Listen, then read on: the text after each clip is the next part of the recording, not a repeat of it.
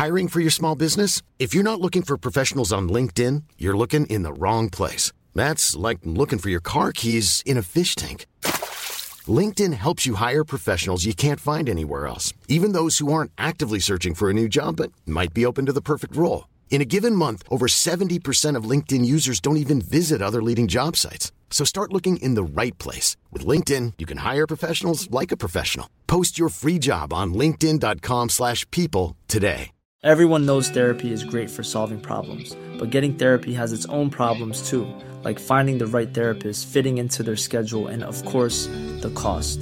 Well, BetterHelp can solve those problems. It's totally online and built around your schedule. It's surprisingly affordable too. Connect with a credentialed therapist by phone, video, or online chat, all from the comfort of your home. Visit betterhelp.com to learn more and save 10% on your first month.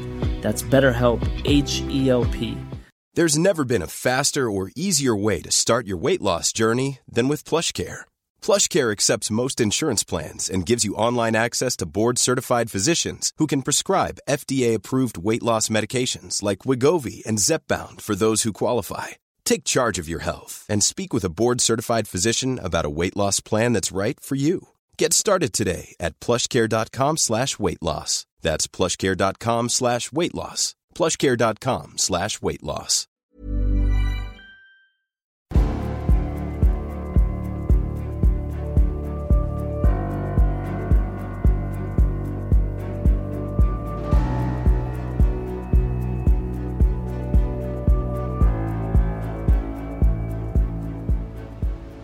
Du lyssnar på podcasten Samtal, en podcast med fokus på fria samtal. Jag heter Jannik Svensson och jag vill bjuda in dig till vår samtalsgrupp på Facebook. Länk till den hittar du på hemsidan www.samtal.ax. Jag blir också superglad om du vill vara med och hjälpa att stödja det här projektet. Det kan du göra på www.patreon.com samtal eller genom att swisha mig på nummer 070-3522 472. Länkar och nummer hittar du på hemsidan www.samtal.ax. Jag släpper nya samtal varje onsdag året runt och tar tacksamt emot tips ifall det finns någon du vill höra i podden. Idén bakom podden är att fokusera på fria samtal. Vi tror att öppenhet är grunden för det demokratiska samtalet och vill uppmuntra dig som lyssnar att exponera dig för samtal med någon du inte håller med om. Jag heter Jannik Svensson och du lyssnar på podcasten Samtal. Kai Grissner är anarkokapitalist, ekonom och skattekonsult. Han beskriver sitt jobb som att han hjälper sina klienter att minska den statliga stölden. Välkommen Kai. Tack så mycket Annik. Och det är ju andra gången som du är med här. Det är första gången som det har hänt att någon är med andra gången ensam. Det är ju nog en stor ära, det är jag fullt medveten om. Men det är kul att vara här igen.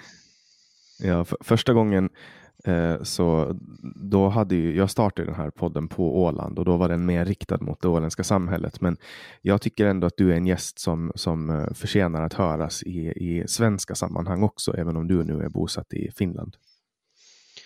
Ja, det som vi talar om är ju, är ju går över landsgränserna i vilket fall som helst. Att, och, och, och, i Sverige finns det ju faktiskt en imponerande närvaro av libertarianer och anarkokapitalister att Ludwig von Mises institut i Sverige så är ju det blivit ganska stort vid det här laget. Mm. Det spelar åtminstone. Ja, eh, och sen finns ju också Timbro som är väl den eh, närmsta tankesmedjan man kan komma, en, libertariansk tankesmedja som är väldigt aktiv. Jo, så att, att det, man skulle kanske inte vänta sig, men att äh, ska vänta sig det av Sverige av alla länder, men där tycks det ju finnas växande, växande närvaro av, av just libertarianer och, och jag menar Timbro är ju, har ju mycket gott kan man säga om det men att, men att äh, där föredrar jag nog institutet och allt de gör och fortsätter göra. Så mm. det, hatten av för dem. Uh, och du, du är du klassar dig själv som anarkokapitalist. Eh, det är väl någon, alltså, de flesta säger ju libertarian i dagens samhälle, men, men du väljer att gå under epiteten anarko, anarkokapitalist. Jo, och det, orsaken till det är, som sagt, är att, att uh, ordet libertarian, jag har inga problem med det per se, men att det är väldigt brett och, och, och det är ganska många som antingen själva kallar sig för libertarianer eller som blir kallade libertarianer personer som, som jag kan sympatisera med men, men som ändå jag har, kan ha väldigt avgörande ideologiska skillnader med så jag föredrar det mera precisa uttrycket anarkokapitalism. Vilket var något som, För... som Rothbard gjorde och som många framstående gör, gör idag, till exempel Tom Woods och, och uh, Lou Rockwell och, och, Walter Block för att nämna några. Hans Harman Hoppe måste man ju också säga. Mm. För, för jag, jag kan ändå på något sätt se, eller som jag upplever så är skillnaden på en anarkokapitalist och en libertarian att en libertarian vill ha någon form av stat medan anarkokapitalisten inte vill det. Rätta mig gärna om jag har fel. No, du har ju rätt i att, att anarkokapitalisten inte vill ha det, men jag skulle, jag skulle snarare säga igen att libertarianen mera kanske av en, av en allmänt en, en, bredare kategori som har sina underkategorier. Att du har ju klassiska liberaler som, som till exempel Ron Paul är ju, är ju eller minarkister som, som de också brukar kallas, är ju i allra högsta grad libertarianer men att de, de kan se en roll för staten men anarkokapitalisten går ju hela vägen ut. Det är lite som, jag kommer inte ihåg vem var det som, som Eh, uttryckte det, eller de sa det, men att det är lite så som med, med, med ateism att, att eh, monoteisterna har ju kommit så pass långt att de tycker bara att det finns en gud medan ateisterna har kommit så långt att det inte finns någon gud alls. Och här är det lite samma med, med, med anarkokapitalister och minarkister, att minarkisterna har kommit till det, att det, det är nästan ingen stat alls medan anarkokapitalisterna har tagit ett steg längre och att det inte ska finnas någon stat alls, att det är ganska bra analogi där ska jag säga. Men att, mm. som, som, som sagt att, att ta nu de här klassiska liberalerna från the eh, Founding Fathers i, i, USA faller ju väldigt bra inom den kategorin. Ludwig von Mises själv, framför Friedrich Hayek åtminstone, var väl, skulle ha fallit i den kategorin, men att det sen ska se de senare generationerna, just för Rothbard framåt, som har, har sen tagit det här sista steget ut. Och, och jag har hört i dem, så jag understryker det gärna. Mm. Och för att göra det här enkelt för dem som är helt nya inom den här politiska eh, ideologin eller segmentet så kan man säga att libertarianism eller eh, ANCAP, alltså anarkokapitalism, det är raka motsatsen till kommunism. Varav kommunism är att alla ska vara med och äga allting medan anarkokapitalism utgår ifrån att staten ska inte finnas alls, utan allting ska regleras av privata företag och eh, privat ägande. Ja, det, det, är den privata äganderätten som är, som, som är rättesnöret där förstås. Andra sidan myntet är så kallade non-aggressionsaxiomen, att, att allting, allting ska ägas privat, om det sen är via företag eller privatpersoner som gör det, det, det, det, det eller andra typer av sammanslutningar, det, det är sin sak. Men att, att äh, allt ska, ska, vara, äh, ska bygga, bygga på liksom, den privata äganderätten och då inkluderar allting vägar, vattenvägar, skogar, vad den än råkar vara frågan om.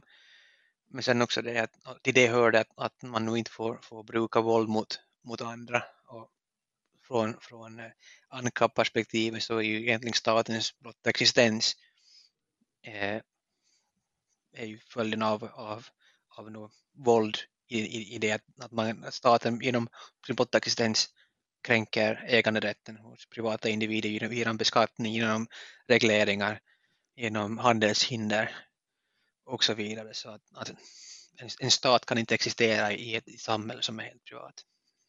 Mm.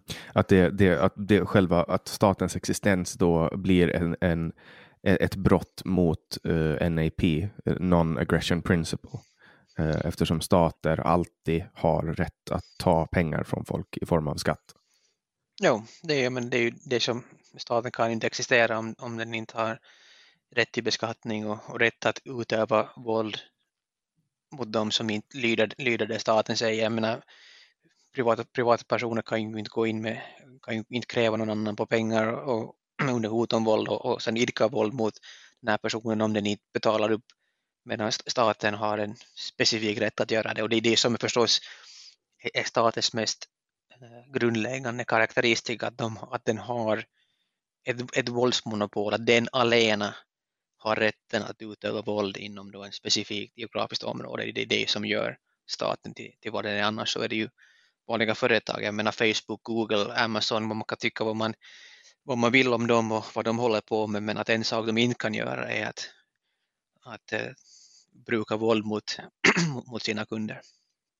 Mm. Och, och, man är ju faktiskt deras kunder, man är ju inte deras undersåtar på samma sätt som man är statens undersåt. Ja, man är ju en undersåt till staten, men eh, där pratar man, man vill ju ofta gärna eh, stoppa in det innanför en ram som att att staten tar hand om oss och staten vill vårt bästa. Men staten vill väl ingenting förutom att expandera?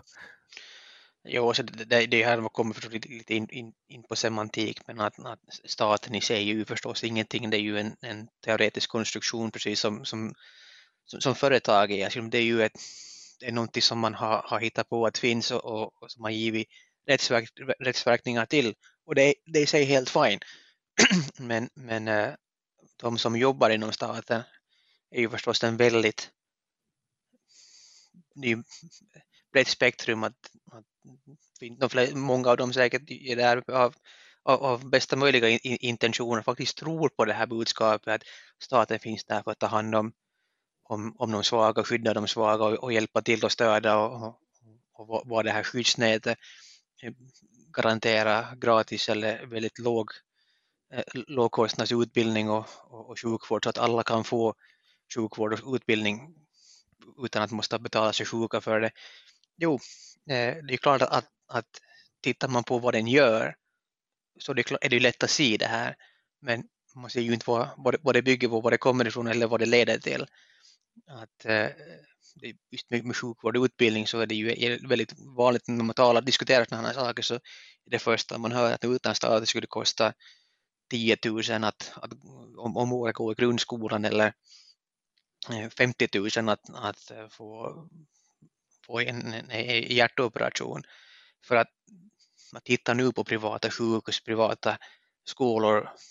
Med privata skolor så brukar tanken ofta gå till universiteten i USA som helt vansinniga eh, terminsavgifter, men det behöver inte vara på det sättet. Motpolen till det är ju privata skolor som finns till exempel i Indien, och Afrika, de fattigaste delarna av Indien och Afrika, där, man har, där samhället eller byn eh, har, ser till att det finns en skola där som barnen far till, som, som sköts som föräldrar, sköts av, av lärare som finns, eh, finns i den här byn, i, den här, i, i, den lilla, i det, det lilla samhället, i och med att, eller på grund av att eh, de, de statliga alternativen är fullständigt horribla, så kan man nog ordna privatundervisning i de fattigaste delarna i Indien och Afrika så kan man ordna det var som helst annars, annanstans utan uh, oerhörda kostnader. Och det är en annan sak som man förstås inte, inte kan, kan säga med säkerhet att om min status skulle finnas, om min beskattning skulle finnas, inte alla regelverk skulle finnas och allt som, som, som hör staten till. Det är omöjligt att säga liksom vad det skulle ha för, för inverkan på prissättningen. Om det inte, just tar nu Finland eller Sverige som ett bra exempel där man har väldigt långt utvecklad sjukvård eller allmän alltså offentlig sjukvård och, och, och utbildning att om du är ett privat sjukhus eller privat skola i Norden så per automatik har du en väldigt, väldigt, väldigt begränsad kundkrets för de flesta kommer att använda sig av, av det alternativ som upplevs som gratis. Så mm. det gör ju liksom att, att du har ett mycket mindre kundunderlag och där är det ju det att då går det ju automatiskt till det att då, siktar man ju in sig på de som har råd att betala för det.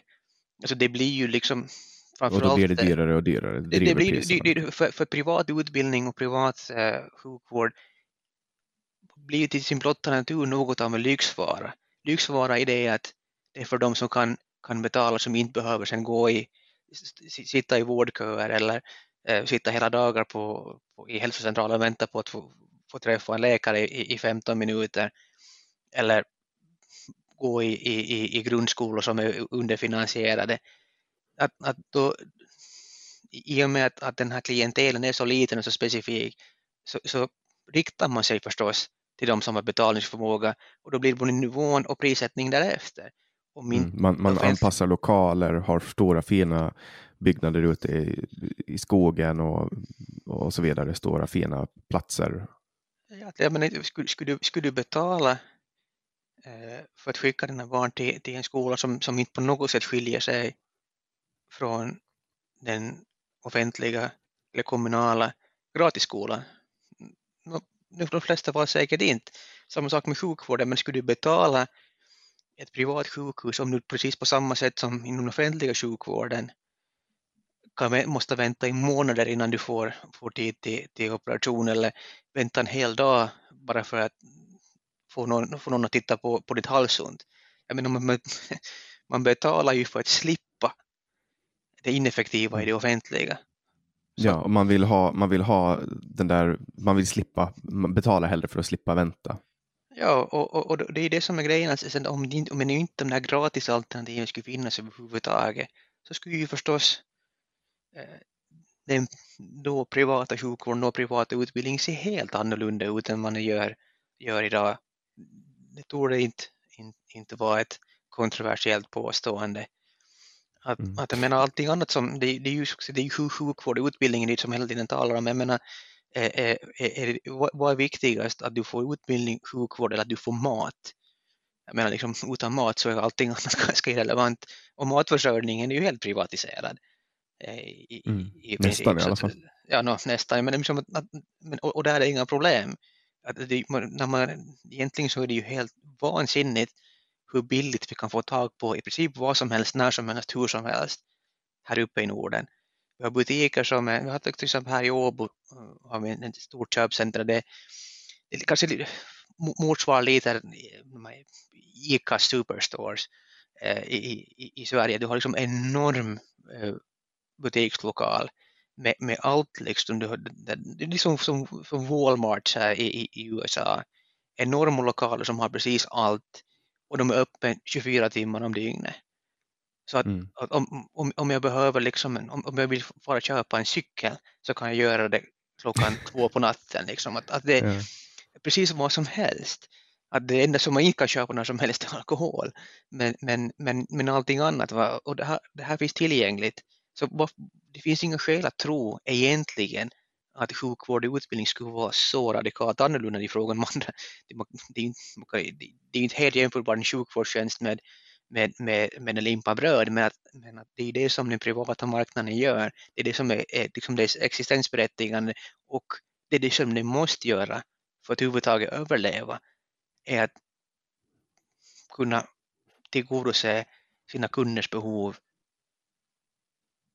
Hela det folk tiden, pratar om, och det folk pratar om ofta när de försöker liksom, eh, påpeka att den här, den här ideologin inte är praktiskt eh, tillämpbar, det är att eh, anark, anarki, alltså anarkokapitalism, det, det, är en, en anarki med, med en fri laissez-faire-kapitalism. Alla får sälja och göra vad de vill utan regleringar. Eh, det som, som jag ofta möter och hör det är att det finns inga regleringar och därför kommer alla att dö av någon form av gifter och vi kommer att förstöra naturen och, och jorden och förstöra klimatet och miljön därför att vem som helst får släppa ut vad som helst i luften. Liksom. Och att girigheten kommer att, att göra att det blir så. Ja, alltså det är ju jo, det är klart att det där, det där hör, man, hör man ju ofta, men att där, när man använder ordet reglering så det är också sånt som kan vara var, var väldigt missvisande. Och inom den privata sfären finns det ju hur mycket regler som helst. Det är regler mot, mot bedrägeri till exempel. Så att om du skriver på ett kontrakt så måste du följa det och då står det i kontraktet vad som händer ifall du inte gör det. Att, att, att regler kommer ju från, från, från det utbytet mellan människor. Att, att inte, det behöver man ju en stat till. att Tittar man överhuvudtaget på, på lagstiftningen fram till jag skulle våga påstå liksom långt in, till, in på 1800-talet så, så var ju lagstiftningen mycket bara kodifiering och sånt som, som folk för, för sekel sedan hade kommit överens om att det här, det här gäller liksom olika städer inom handel framför allt men också liksom inom, inom eh, samhället. Att, att eh, ta hur, hur den här common law-traditionen till exempel som nu kommer från, från Storbritannien grundar sig på det att konflikter uppstår alltid mellan människor. Det spelar ingen roll om det är stad eller ingen stad. Konflikter kommer alltid uppstå mellan människor. Och det kommer alltid behövas de som medlar de här konflikterna och avgör de här, de här tvisterna. Och det är via det, den praxisen som, som eh, regelverken uppstår.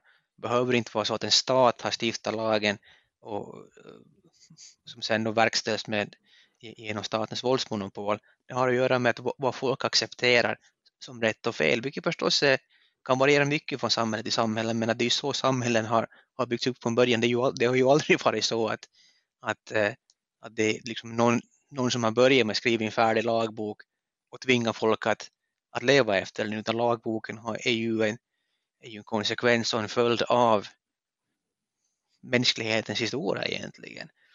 Men som till exempel då man, man, kan ju argumentera för att till exempel, ja men då, om det är ett sånt här fritt samhälle, då kan eh, vem som helst släppa en energidryck som innehåller någon halt, eh, det är för mycket formaldehyd eller vad som helst, något, något farligt ämne och då finns det ingen statlig myndighet som kan eh, testa det och kolla att det inte är gift i.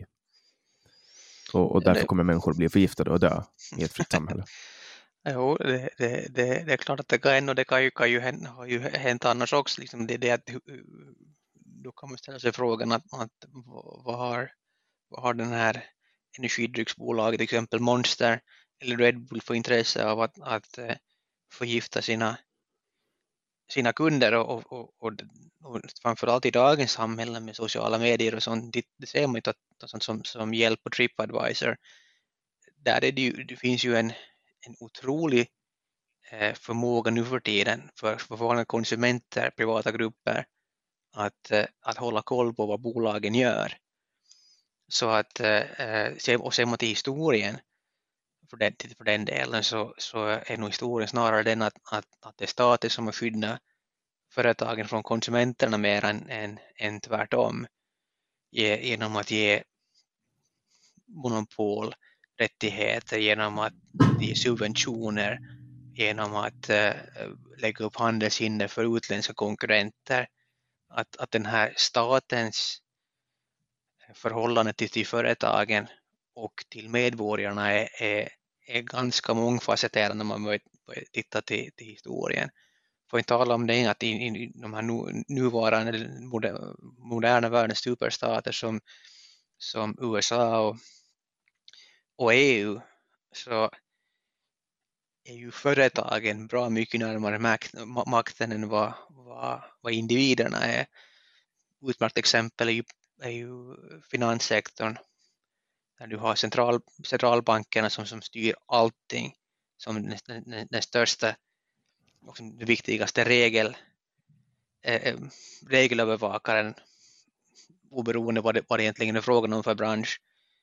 Och eh, det är att till exempel inom finansbranschen har blivit så kartelliserad som, och konsoliderad som den är, att vi har en i hela världen att vi har kanske ett tjugotal megabanker som, som i princip utgör hela marknaden är ju en följd av de ständiga mängd regleringar som har kommit på den här sektorn som har gjort det omöjligt och omöjligt, svårare, svårare och svårare för mindre, mindre banker att helt enkelt kunna hänga med i, i de här kraven. Att det har blivit helt enkelt för ineffektivt att vara för liten.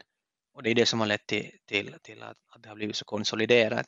Så där igen har ju statens existens varit långt mycket mera till storföretagens fördel än för konsumenterna. Mm. Så det där är, man ska vara försiktig med att säga liksom att, att allting skulle vara perfekt i, en, i, en, i, i den ena världen eller i, den andra.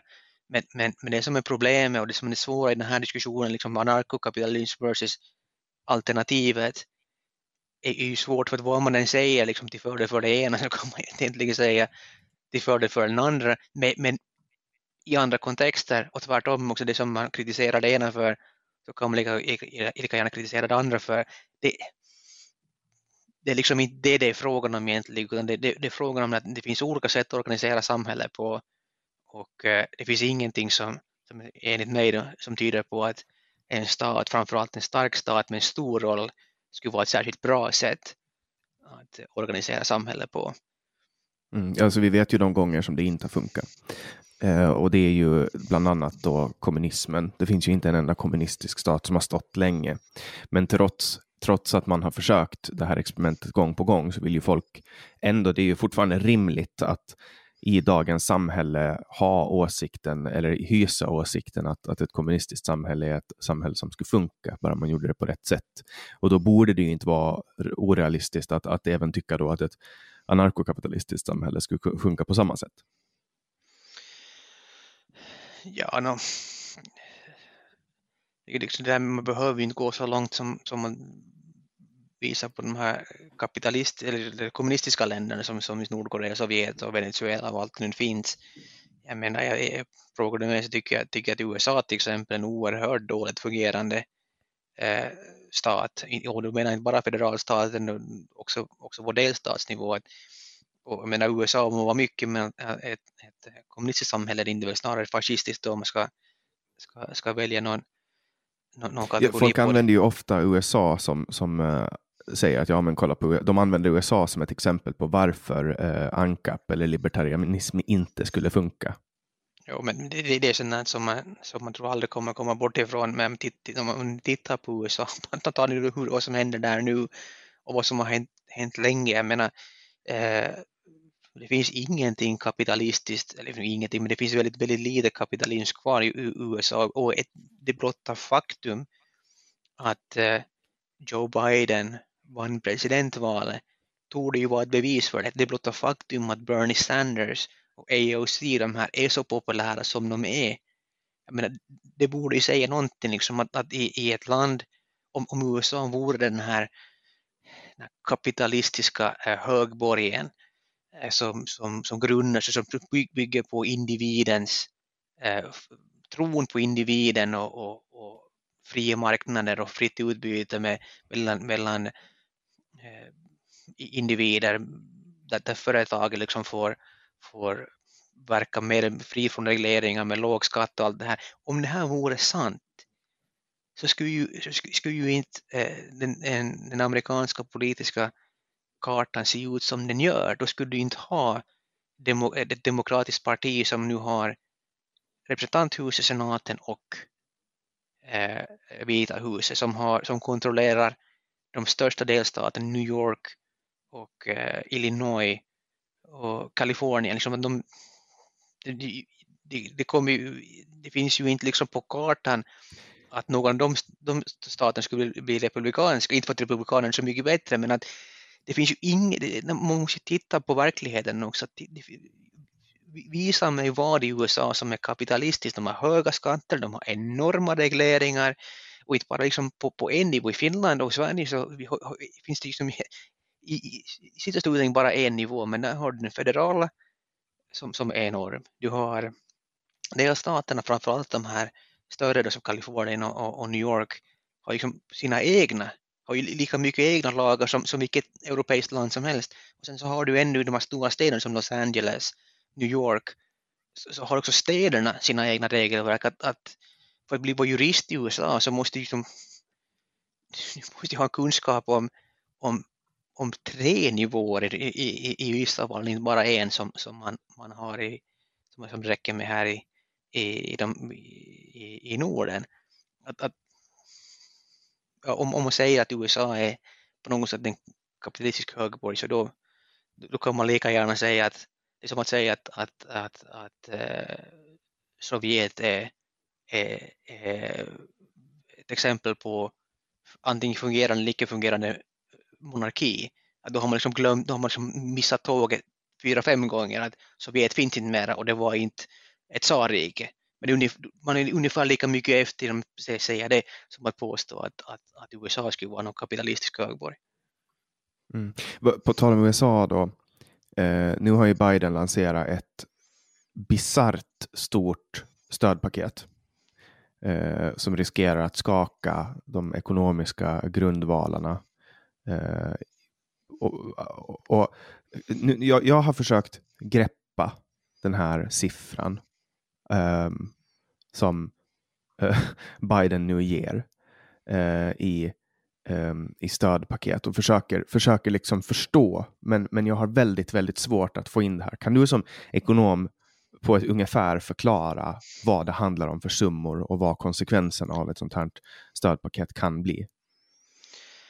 Alltså det, här, här måste man ju vara vara var ödmjuk nu och säga det är ju ingen, ingen levande människa kan, kan greppa något som, som 1,9, vad blir det, vad kallas det?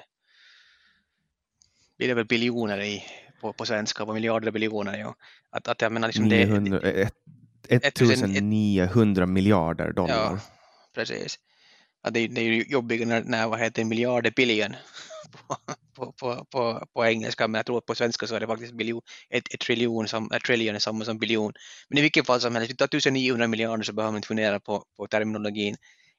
Det är klart att ingen, ingen kan, kan, kan greppa något sånt. Och liksom att det är ju, problemet är ju snarare det att, att det i sig, jo det låter mycket, men, men i kontexten så är det inte så, så, så mycket. USAs statsskuld, officiella statsskuld ska vi komma ihåg, som förstås är en bråkdel av den verkliga, är väl uppe, vad börjar säkert närma sig 25 000 miljarder nu eller något liknande, bra bit över 20 000 i alla fall och, och, och tickar uppåt hela tiden. Så nu har vi så kommit i en värld där, och det är det som, som kanske borde börja väcka larmklockor, nu har vi kommit till en värld där, där man överhuvudtaget kan tala om ett stimulanspaket 1900 miljoner utan att någon egentligen höjer på ögonbrynen så mycket. Och det är inte, tror jag, inte, inte, bara för att man inte kan greppa siffrans storlek, vad det innebär. Jag tror liksom att alla förstår att det är enormt, men, men det är inte sist och slutligen så ovanligt givet kontexten att när du har en statsskuld på 25 000 miljarder, så 1900, 1900 miljarder är inte så, så konstigt. Du har den federala budgeten i USA har väl länge varit runt, runt 4 000 miljarder. Så att liksom i kontexten så är det inte så, är det inte så mycket. Nej, men rullar man tillbaks bara tio år till 2011, då låg den på, nu, nu ligger den på 2100 eh, billions, är det miljarder dollar? Billion är miljarder. Ja, och, och då 2011 så låg den på 1300 eh, miljarder och 2001 låg den på 128 miljarder och 91 eh, 269 och så vidare och så vidare. Och, och hoppar man tillbaks till, till eh, 40-talet eller till, eh, vi kan ta 30-talet, eh, alltså under, eller 29 då, kraschen, eh, vad hette den, eh, svarta fredagen, svarta torsdagen. Vad, vad, hette, vad hette den kraschen på 30, 1929? Ja, det var, det var väl Black Thursday. Black Thursday, ja men den, den har något namn i alla fall, men där var den en miljard eh, var statsskulden då. Sen den bara öka, öka, öka och nu använder man ju liksom skuld som ett grepp för att eh, introducera mera pengar på marknaden. Och det här antar jag att det här stödpaketet nu som hyllas i Sverige, eh, man, man hyllar det genom att säga mm. framgång för Joe Biden, historiskt stödpaket röstas igenom. Alltså om, eh, det är ganska läskigt att, att man kan stoppa in så här mycket pengar i systemet, ta från ingenstans och stoppa in i systemet. Eh, för att alltså, risk, alltså, det man gör nu är att man, man, man driver ju på inflationen så in i helvete. Jo, ja, men Ron Paul eh, gjorde den här, mm, väldigt upp den här flera, flera gånger och han fortfarande eh, var, var aktiv fortfarande, var satt i representanthuset när, när när man talade om, om centralbankens roll och vad centralbanken håller på med. Så, så jag tror att han det var, var väl lite ett av de här många, många förhören med, med Ben Bernanke när han, när han konstaterade just detsamma att när, när centralbanken, alltså the Fed, grundades 1913 och slog upp dörrarna 1914 så var ju liksom hela amerikanska statsbudgeten en handfull miljarder dollar och även justerat för inflation så är det liksom några hundra, skulle vara några hundra miljarder dollar. Att, och då, det var då man talade om de, de stimulanspaketen som, som var följde då efter finanskrisen när det var 700 miljarder hit och 900 miljarder dit och gud vet hur många miljarder till höger och vänster. Alla de här quantitative easing-programmen när man då köpte, centralbanken och köpte obligationer och, och andra, annat skräp för 40 miljarder, 50 miljarder, 60 miljarder i månaden. Så, så, så tyckte Ron Paul liksom, tog upp det uppenbara att då när centralbanken grundades så var ju läget det här att, att hur kan man på något sätt påstå att det i den lagstiftning som gav upphov till, till Federal Reserve att det gavs mandat att hålla på med, med sådana här penningtransaktioner, kapitalmarknadstransaktioner på, på flera gånger den, den totala statsbudgeten, då när, totala antagligen BNP, då när, när, när banken grundades. Att, att det liksom, man, man borde förstå bara av det att, att, att den inte har något sånt här mandat. Vi talar om siffror som, som skulle vara helt obegripliga för dem som, till och med för de som grundade den här centralbanken mm. och många, många decennier efteråt. Men, men, men som vanligt med allting annat så allting rationaliseras i dagens värld. Det, det är ju aldrig, och alla de här Ja, alltså folk, blir ju, folk förstår ju inte. Um, jag, jag, tänker att man behöver ganska hög kunskap i ekonomisk historia och liksom hur, hur allting fungerar, hur systemen fungerar för att reagera på hur fel någonting är. Alltså att man delar ut 11 000 dollar, eller 11 000 kronor blir det nu, så 1100 euro, 11 000 dollar. Nej, men vänta, hur blir det nu? 1100 Ja, ungefär, ungefär 1100 dollar till varje amerikansk medborgare i hela landet.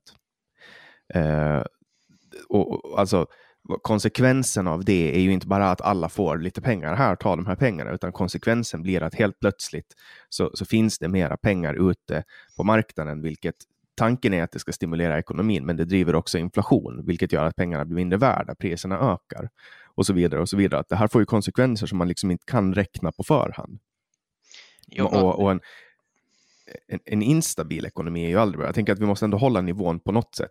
Eh, lite, lite att, att folk orkar hänga med för att det är tunga saker som, som vi pratar om. Um, men men vad, säger, vad, vad tror du att konsekvensen blir för marknaden när man nu gör så här och för utlandet också?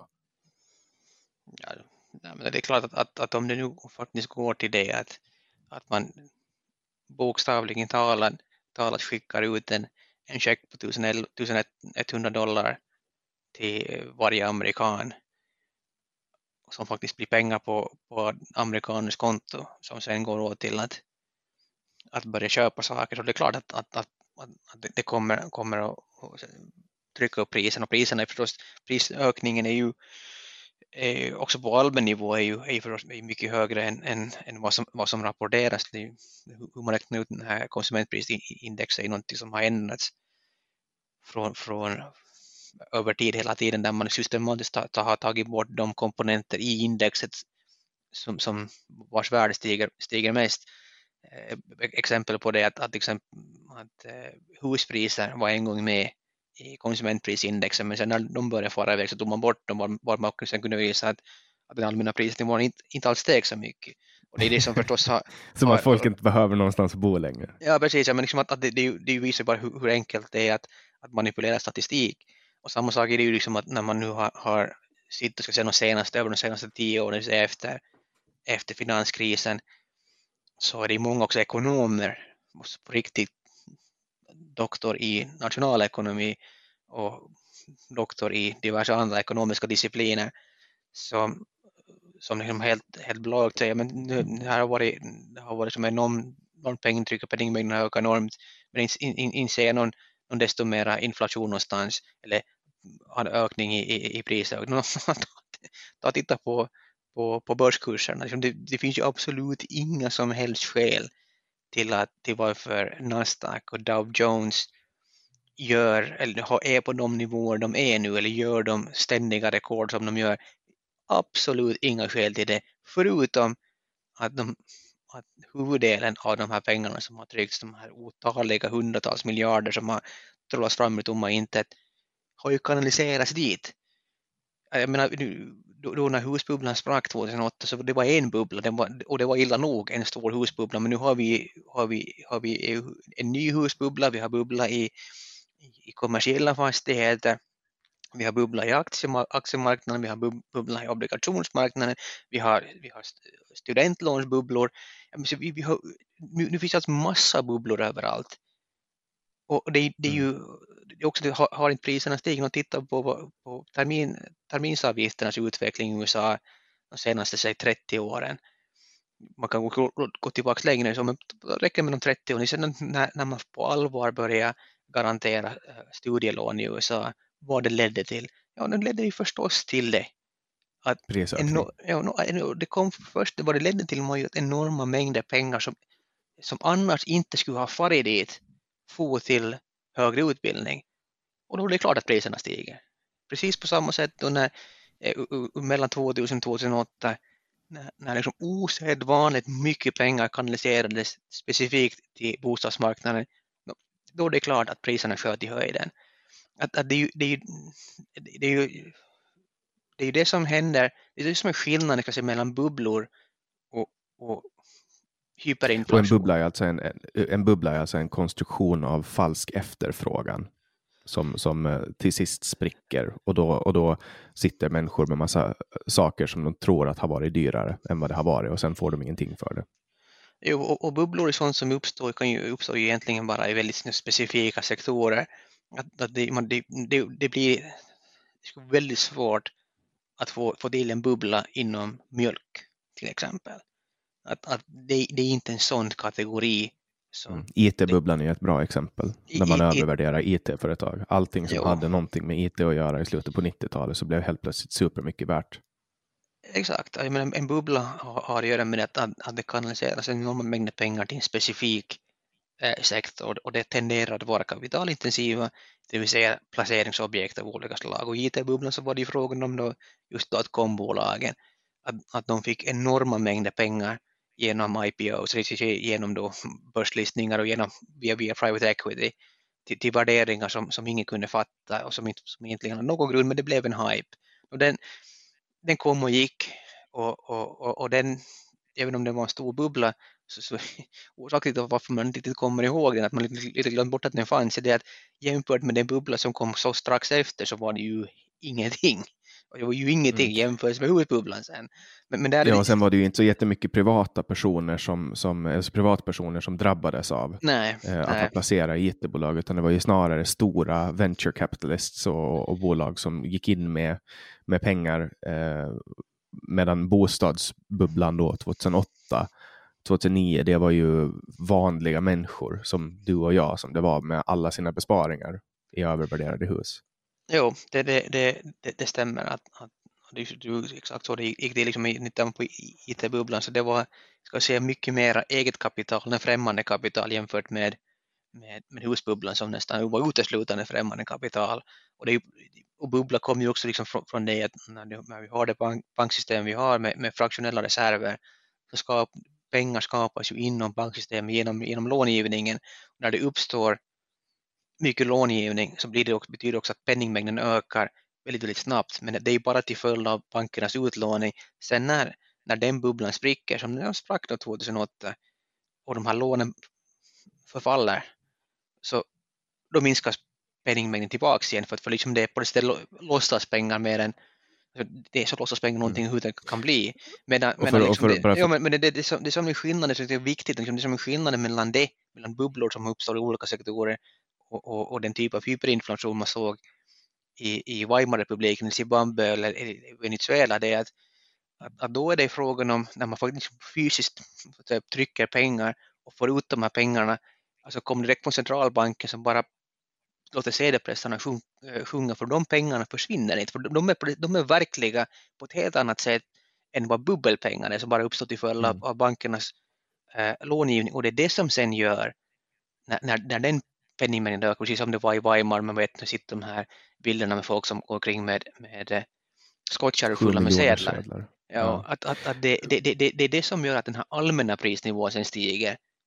Eh, mm. För, för, för, att förklara bara, så att, så att folk, folk, ska förstå just den här delen med fraktionella reserver och så vidare, alltså, och, och kreditexpansion. Alltså banken har möjlighet att skapa, att låna ut pengar som de inte har så länge de, eh, så länge de har 20 procent av summan eh, i sitt, på sitt konto. Så om du är en bank, din bank är Kajbanken och, och, du ska låna ut 100 000 kronor till mig, då behöver du bara ha 20 000 kronor. Uh, och så för du över, jag lånar av dig, du för över 100 000 till mig och jag tar de 100 000 och för in dem på en annan bank. Då har, då har, då har du helt plötsligt genom mig skapa 80 000 från ingenstans medan jag är skyldig dig 100 000 för att du har bara behövt garantera 20 000 för att få låna ut de här pengarna. Eh, och den kreditexpansionen, när det sker okontrollerat, för det är väl en majoritet av all kreditexpansion sker inom, expansion sker inom privata bankväsendet om jag har förstått det rätt. Det är liksom inte staten som trycker upp nya pengar eller kör in via centralbankerna. Nej, det, det, och det är som just precis det är det som är, är den stora skillnaden. De här, de här bubblorna som uppstår till följd av kreditexpansion, det, kommer ju, det, det har sitt ursprung inom det privata bankväsendet och det är därför liksom de pengarna de, kom, de, de kommer och går, de, att de, de, de skapas men de, de, de försvinner också i och med när lånen antingen förfaller eller, eller betalas tillbaks. Medan de pengar som centralbanken trycker in, trycker in i systemet, de försvinner aldrig någonstans. Och det, det, är liksom, det är det som leder sen till att, att man kan se prisökningar across the board snarare än i enstaka eh, eh sektorer eller enstaka placeringsprodukter. Och, mm. och här, här, kan det vara värt att nämna att det finns inga skäl, eh, som jag ser det, att tro att, att länder som USA eller, eller, eller då EU, här, euron här i, i Europa eller Storbritannien med sitt pund och så vidare, att, att här högutvecklade länder, att vi där skulle, skulle, skulle se eh, hyperinflation på samma sätt som vi sitter i Zimbabwe och Venezuela, vilket beror på liksom att... Folk vet ju här att man kan inte trycka pengar. Och på det, no, det, det, no, no, inte bara det, som det vi, när vi talar om så stora komplexa ekonomier så, så, eh, och utvecklade ekonomier så, så, är det liksom väldigt svårt att, att, att komma till, till, till en skede där det faktiskt sker hyperinflation. Att, att det, det, tar, det skulle ta slut långt före det. Jag menar, och det är det som är skillnaden, att om man tänker sig just en en komplex ekonomi som EU och euron eller USA, att, att om den årliga prisökningen, allmänna prisökningen och att priserna across the board ökar med säg 5, 6, 7 procent år efter år efter år, det skulle ju vara en total katastrof det. Medan, medan, liksom, att, att, medan det, det, in, det inte spelar så stor roll i mindre utvecklade ekonomier och därför kan man snabbt, därför är det också mycket mer mottagbara för, för, för hyperinflation. Jag tror, inte, jag tror inte att vi kommer att se hyperinflation i euron där priserna stiger med 100 procent per månad. Eh, det kommer att krascha långt före det. Och i, i USA kommer ju man talar där talar man, man vill tala om hyperinflation, man talar mer om runaway inflation under 70-talet. Där det sen slu, slutar med att Paul Volcker då Eh, höjde, höjde räntan till 20 procent och höll den där i tror jag, över ett år. Och, och det liksom rensade ut systemet då. Och det är det som vi, vi, vi inte har gjort nu men det som vi borde göra nu är att, och det är, det, det, är, det är så man egentligen slår hål på bubblorna också om man vill göra det själv, är att, att man höjer räntan, låter, låter räntan stiga till de nivåer som, som marknaden sätter den på. För då skulle, det, skulle, skulle det ske nu så skulle ju alla den här, det här lånade kapitalet skulle bli omöjligt för, för, för gäldenärerna att betala tillbaka. De sitter, ta länderna till exempel, Finland, Sverige sitter på enorma statsskulder, men vi kan, vi kan bära dem än så länge för kostnaden att servern är än, än så länge låg. Men mm. höj, höj, och det är för att man har konstruerat den. Ja, precis. Höj, höj, höj räntan till, till, till en historiskt sett väldigt modest 5 procent och, och, och länderna i Europa skulle ju, och USA skulle ju falla som käglor. Det finns inte en chans i världen att vi skulle kunna eh, serva vår, vår statsskuld med, med om, det, om räntan låg på en nivå som har varit normal fram till 2008. Skulle komma ännu 2008 så betalar man, kunde man betala, betalar man lätt 5-6 procent på ett bostadslån i Finland. Det är ju mm. ingen som i, i dagens värld skulle kunna för, ens kan föreställa sig en ränta på 5 Och folk tror ju att det är marknaden som håller, håller räntorna nere. Och nu idag har vi politiker som, som uh, Sveriges, stats, nej, Sveriges finansminister Magdalena Andersson som inte tycker alls att det är konstigt att man lånar hur mycket pengar som helst uh, för att kunna genomföra de reformer som hon vill ha utan att ta i beaktande att, att räntan kanske kommer att slå i taket en dag. Jo, alltså det, det, det som man blir trött på, det, det som du sa tidigare, att, att eh, man, man måste liksom ha någon uppfattning om, om nationalekonomisk teori och ekonomisk historia för att förstå. Det, är klart att det är på det sättet. Eh, I många fall så behöver man, man behöver inte vara en, ha en doktorsavhandling i det, man kommer ganska långt med, med, med, med sunt förnuft i många fall. Men eh, problemet med nationalekonomi, det finns mycket problem med nationalekonomi, men, men ett av de problemen är att det är relativt sett en väldigt ny vetenskap. Jag menar, det fanns inte egentligen någon nationalekonomisk teori att tala om i någon större ut, utsträckning förrän mot 1600-talet och sen där började sen hända ganska mycket under, under ganska kort tid men att det är fortfarande en ung vetenskap om man jämför med naturvetenskaperna som, då har, som jag har, jag har studerat matematik, fysik och kemi, astronomi i, i tusentals år. Men, men, men så är det inte eh, med nationalekonomi, så det, det är ett, ett problem. Ett annat problem, vilket allvarligare skulle jag vilja kanske säga, det är att, att till skillnad från fysik och matematik så är ju nationalekonomi till sin natur väldigt politiskt. Jag menar, det är ju ingen som, som vinner sig jättestora politiska poänger genom att, att debattera hur, hur man bäst skjuter en raket till, till, till Mars. Liksom att det, inte, det påverkar inte andra på samma sätt. Jag menar, när, det, det, liksom närmaste man, man, har, som man har kommit och, det är inte liksom samma sak, det är heller klart att vi har klimatkrisen när, folk funderar över vad som driver klimatkrisen. Att, att där är ju var och varannan har, har ju nog blivit liksom expert på, på, på vad det som driver klimatet. Att där har det blivit liksom mera OK för, för vanligt folk att, att uttrycka sina åsikter, även om man fortfarande hela tiden hänvisar till vetenskapsmännen. Även där, samma sak nu med ja. covid, så, så, så, ska ju vanliga människor hålla käften och, och låta, låta gudarna som Anders Tegnell och, och eh, Lord Fauci eh, berätta hur, hur saker och ting ligger, ligger till och, och man får inte ifrågasätta dem. Men när det nu kommer till nationalekonomi så finns det inga som helst, där får, där får alla ha hur starka och självsäkra åsikter som helst utan det minsta eh, grundkriterier, kvalifikationer. Där, där är det liksom open season för vem som helst att tycka vad som helst. Vi kan förstås lätt det är ingen rätt och ingen har fel, så har alla fel, alla fel och alla har rätt. Och, det, det, i och med att den är så politisk, när man börjar tala om nationalekonomi, till exempel i tiden när jag skrev min, min lilla ledare i, i, i lokal, lokalpressen på Åland om om välfärdsstatens ohållbarhet. Det fanns ingenting på det sättet kontroversiellt innan det var det fanns, jag, jag moraliserar nog en del, det kan jag erkänna, men, men det mesta hade ju att göra med, med, med rena ekonomiska argument. Och det blev ju, blev ju jäkla massa här genom det sen liksom och, och, och, och okvädingsord hit och dit. Att, att man... Ja, det, du sa, det du sa var det är dåligt att vi har en jättehög statsskuld. Ja, det, det, det var, var tydligen liksom hemskt. Och, och liksom det, här, det, det, här är ju det, det problem och det här är ju tyvärr någonting som ekonomerna får, får nog i stort skylla sig själva för. Och det är lite liksom kan man då kanske dra paralleller till, till, till, till klimatforskarna att, att nationalekonomer har ju, de är ju, har ju, är ju människor de också. De har ju allt, människor har en tendens att tycka om att få uppmärksamhet, att få, få, få ära och berömmelse, att få vara med och bestämma. Och, och då, så det finns ju liksom en, 1900-talet framåt så, så är ju de flesta nationalekonomer de är anställda antingen av staten eller av eh, i, i, i, verkligen universitetsvärlden. Väldigt få har, har jättemycket beröringspunkt med, med, med riktiga världen när vi talar liksom just om specifikt om nationalekonomer. Det först, in, inom bankväsendet finns det förstås också en del, men att det är ju quasi-statligt det också nu för tiden. Och då har du liksom det problemet att ta, ta till exempel någon som vill bli centralbankschef. Du blir inte centralbankschef om du om din forskning, det, det du har forskat i, det, det du, du har framfört, det du har skrivit i dina avhandlingar och vetenskapliga artiklar går ut på att centralbanken borde slopas.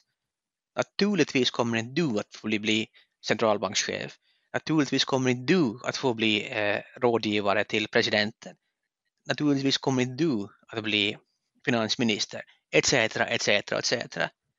Så, så att det, det, är ju, det är därifrån det kommer, liksom att om du har även om, även om du har liksom vetenskapligt grundade eh, åsikter, liksom att, att jag tycker centralbank, centralbanken är dålig på grund av att det, det skapar det här och det här, vilket vi kan, mycket vi kan bevisa genom att titta på det här och det här och det här. Och vi kan leda i bevis genom att beskriva hur konjunkturcykeln fungerar.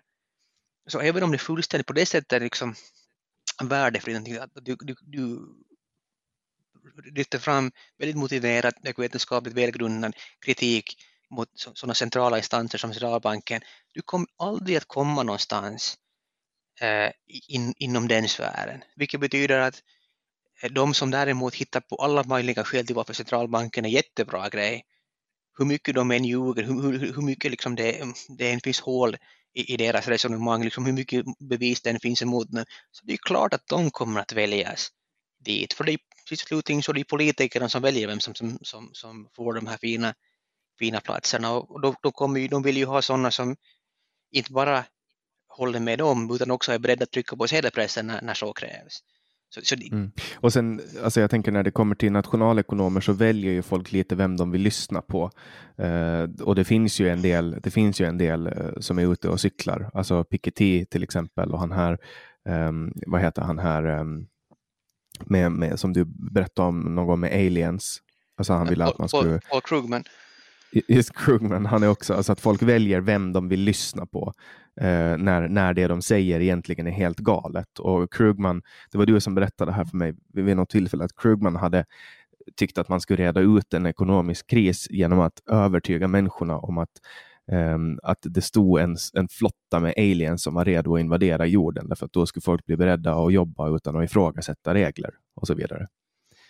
Ja, alltså, det, för vem som helst så kan man bara googla Paul Krugman Space Alien Invasion så, så, kommer man, så hittar man nog det där Youtube-klippet. det är förstås liksom det, det som han sa i det är ju, är ju exakt samma vansinne som ligger bakom den här eh, uh, covid stimulusbild som den här på 1900 miljarder vi talade om tidigare. Att, och hela den här vansinniga tanken på att, att det är konsumtion som, som, som driver tillväxten, det är konsumtion som driver ekonomin, det är konsumtionen som gör att som, som, som, som driver upp levnadsstandard, konsumtionen som skapar arbetsplatser etc. Liksom att det konsumtionen är A och O i allting. Okej, okay, jag, jag, kan väl medge att jag kan förstå varför det kan verka eh, vettigt, men, men man behöver faktiskt inte tänka efter så jättemycket förrän man inser att det finns ett fundamentalt fel i den logiken. Och det, det kommer ju att du kan inte konsumera det som inte har producerats. Det är liksom, vilket jag tror att vem som helst kan hålla med om. Om någonting inte finns så kan du inte konsumera det. Vilket betyder att konsumtion är en, en funktion av produktion. Du, måste, du producerar först och konsumerar sen. Mm. Och det finns ju också digitala produkter. Ja, men liksom att ingen, ingenting kan... Du, du, ta, nu, ta nu till exempel eh, Microsoft Office. är ju en en, en digital tjänst, en digital produkt som, som vi konsumerar genom att använda den. När vi skriver på Word, när vi skriver, använder Excel, när vi använder PowerPoint och så vidare. Men om inte, om inte Microsoft Office och dess program existerar så kan vi inte heller använda det. Det, det måste ju liksom komma, det måste ju produceras först. Det är någon som måste koda det först innan du mm. kan använda det. Så före någon har kodat program, ett datorspel, vad det Nej, då går det inte att använda. så kan ju ingen använda det. Att, att det spelar ingen roll om det, om det är fysiskt eller digitalt eller något annat. Jag menar, du kan inte njuta av, av, av en målning förrän någon de facto har målat den. Nej. Att, att det, och det, det är ju samma som när man ger stödpengar till ny, nya företag, att man ger pengar till folks idéer och mm. håller på med så här inkubatorer och har inspirationsmöten och så vidare. Alltså ett bra för, en bra affärsidé eh, och ett bra koncept kommer ju att finansiera sig själv eh, om det finns intresse för produkten. Eh, och, och, det är ju långt ifrån alla produkter som måste börja med jätte, jättemycket investeringar och så vidare, utan de flesta kan ju starta med lite kapital och så kan de bygga sig upp. Men att tro att man kan liksom skicka in massa pengar till, till nya företag och tänka sig att ja, men de här kommer att, det här kanske kommer att bli någonting, det funkar ju inte så. Så funkar inte marknaden. Nej, men liksom, det är samma sak som med, med all, allting annat. Att, ja, men om du om du kastar en enorma mängder pengar runt omkring dig så någon, någon, någon, någon gång kommer du träffa någonting. Va? Liksom, det är ju, men, men att det finns ju ingenting som garanterar eller som, som bevisar att det var just dina, dina sedlar som, som, som gjorde, gjorde skillnaden.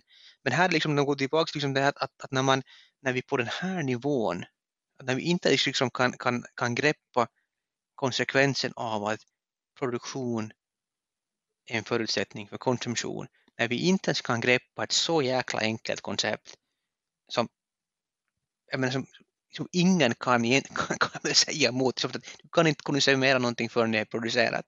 När vi inte ens kan erkänna det här så då är det klart att, att, att äh, det är illa. Och det är det som sen gör då att, att, att alla tycker liksom att ja, den här, den här, de här stimulanspaketen är jäkligt bra. Det är de ju inte, för de, de är ju missriktade från början, de bygger ju på ett fundamentalt fel. Och sen är det, och är det en fråga som ingen någonsin ställer sig, att, var, var, var, var kommer pengarna ifrån och vad, vad, vad, är, liksom, vad är konsekvenserna av det här? att, att, att det är ju liksom också det att, att när man... Pengarna är ju, pengarna är ju alltså, beskattade från människor. Jo, liksom, de, de, de kommer via beskattning, de kommer via upplåning, de kommer via, från, från, från, från penningpressen. Att, att, att liksom, det är ju ingen som... Och det tittar man också på, på, på eh, den offentliga debatten idag. Är det någon som, som eh, diskuterar de här frågorna? inte, liksom, inte, inom, inte i de politiska finrummen i alla fall. Att där är det ju enda man bryr, bryr sig om är ju huruvida eh, eh, Disney-filmer från, från 90-talet är rasistiska eller inte. Huruvida eh, Astrid Lindgren var rasist eh, på grund av, av några Pippi-böckerna hon skrev. Liksom, liksom, det, det, det, är ju, och det jag skrev en gång i en kolumn, den började bli för länge sedan, men, men eh, rubriken var När vuxna blir som barn. Och det är ju det som har hänt successivt för varje generation att, att, att vi blir ju mer och mer som barn. Det vill säga att vi har ingen, alltså våra tidspreferenser är, är jättekorta så vi, vi har ju totalt liksom saknat förmågan att, att, att skjuta upp ratifikation. Det, det existerar ju inte. Eh, allting, allting måste hända nu direkt med en gång och gör det inte så är det katastrof och, då, och, och, och livet förbi och världen är förstörd. Eh, vi, vi tar illa upp för precis allting, men inte bara att vi tar illa upp för allting, vi aktivt letar efter oförrätten att bli, bli liksom kränkta av. Vi, vi hittar liksom dolda eh, kränkande budskap i, i, i vad som helst. Eh, vi har liksom, vi, det, det enda, det enda som liksom talas om återkommande, återkommande tema allting är vem som har kränkt vem, hur kränkt den här personen har varit och, och, och hur hemskt synd det är om det. Jag menar, det har ju varit, nu på senare, senaste äh, veckan eller så, så har det ju varit stor uppmärksamhet om, om, om prins Harry och, och, och Meghan Markle, deras intervju med, med, eh, med Oprah Winfrey, den här, den här offerkulturen som har, som har vuxit starkare och starkare och starkare. Att, att liksom, som så många påpekat, att liksom, hur jävla bizarr måste världen vara när vi vanliga människor, arbetare, fattiga vanliga eh, vardagsmänniskor ska sitta och tycka synd om två multimiljonärer som lever i paradissamhälle eh, i de rikaste delarna i världen. Vad kostar deras Megans och Harrys herrgårdar i Kalifornien? var 14-15 miljoner. Ska vi sitta och tycka synd om de här människorna? Jag menar, det, de har det, det, det, är så, tufft liv. det, det är så vansinnigt bisarrt. Att man, man, kan ju, man kan ju inte tro att det är sant. Liksom. Man kan, ju, kan ju inte förstå det. Hur, hur, hur på allvar, det finns människor otaliga som på allra största allvar tycker att, att, att det är jätte, jättesynd om Meghan Markle. Jag menar, jag menar, vad händer med, med de, de fattiga svältande barnen i Afrika? Ingen bryr sig om dem. Nej, det är Meghan Markle det är synd om. Vad är det för jävla värld? Och, ja, det här skapar ju också en, en, en debatt liksom om, om, att man inte ska bagatellisera psykisk ohälsa och så vidare och så vidare. Men, men kontentan är väl kanske att, att offerkulturen är så inbyggd så att alla tillhör någon form av minoritet. Jag kan liksom direkt titta på en minoritet som, som kan appliceras både på dig och mig. Vi är svenskspråkiga i Finland. Ja. Um, vi, vi är, är, mindre än vad är det, 5 av befolkningen. Uh, och, och, vi har en minoritetsstatus. Liksom. Och vi, vi skulle kunna dra på det, så vi skulle kunna ha offerfest här. Liksom. Ja, vi skulle kunna, kunna sitta, vi skulle kunna sitta, sitta på, på Åland och, och, och, och heja på varandra hur, vilka offer vi att vi, vi är ju liksom, vi, vi, eh, Finland är ju kolonialmakt som har eh, olagligen införlivat Åland i sig självt, att vi, vi lever under eh, de finska kolonial, kolonialherrarnas eh, övervälde. Jag menar klart att man kan, men liksom, det, en vettig person gör ju inte, en vettig person söker ju inte efter skäl till att göra sig själv till offer. Det är också liksom en... men, vi är ju också, men vi är också vita män nu, så att vi har, vi, vi har inte uh, tolkningsföreträde i den här frågan. Det måste du komma ihåg Kaj. Jo, vi det, har det... inte rätt att uttala oss i, i privilegiefrågan. Det, det, så nu får du rätta det. Det, det har, har du förstås rätt till. Liksom, det, jag, det ska bli, jag väntar på den dagen när även vita män lyckas hitta vägen in i offerskrået. Jag menar, då, då ja, så liksom... att man är fattig. Det är väl att man är fattig. För då jo, är det, men... ju, då, man, det är ju en procent av befolkningen äger ju eh, 99 procent eller vad man brukar säga. Jo, men, men, men vita män kan per definition inte vara fattiga. Det, det, det vet vi ju också. Så att jag menar, eller vad de än är, så, så är det antingen deras eget fel eller så lider de inte av det. Så, så det, det, det, är liksom, det, det är det hugget som stucket, men liksom att, att det, jag vet inte om, om det finns egentligen någon, en enda kategori kvar förutom just straight, straighta vita män, gärna, gärna vad heter det, medelålders. Behöver inte vara, men, men det är ännu, då, då är det ännu bättre att, att, att få, när, när, när när vi lyckas bli, bli eh, medlem i offerklubben så då, då, det, det är väl den dag som världen slutligen går under. Men, men, men, liksom, ja, men du, och jag har ju, du och jag har ju möjligheten att, att identifiera oss som en, som en minoritet. Så att jo, vi men, kan ju pro, pro, pro, Problemet är som jag har upplevt i alla fall att, att även om liksom teoretiskt sett skulle kunna tillhöra, tillhöra en, en offergrupp som till exempel minoritet är så det blotta faktum att du är vit, man och straight så liksom eh, upphäver Jo, men kan, vi kan, man, kan ju bli, man kan ju bli, identifiera sig som homosexuell. Eller så kan man jo, gå med no. i judiska församlingen. jo, det, det, det, det, är sant att det kan man ju, kan man ju faktiskt göra. Liksom det, är, det är väl lite där som, som det kanske blir lite grumligt, men, men, då har, men då har du fortfarande identifierat dig som något annat än en vit straight man. Så alltså, länge du identifierar dig som en sådan så upphäver det alla andra offer, anspråk du kan ha till exempel genom att, att du tillhör en minoritet eller något annat, att, att liksom den här straight vit man så det trumfar tyvärr ännu eh, dina offeranspråk. Så du, även om du, du, du, du tillhör en minoritet och kan, kan hävda det så det upphävs av att du, att du också är, är den, här, den här straighta vita mannen.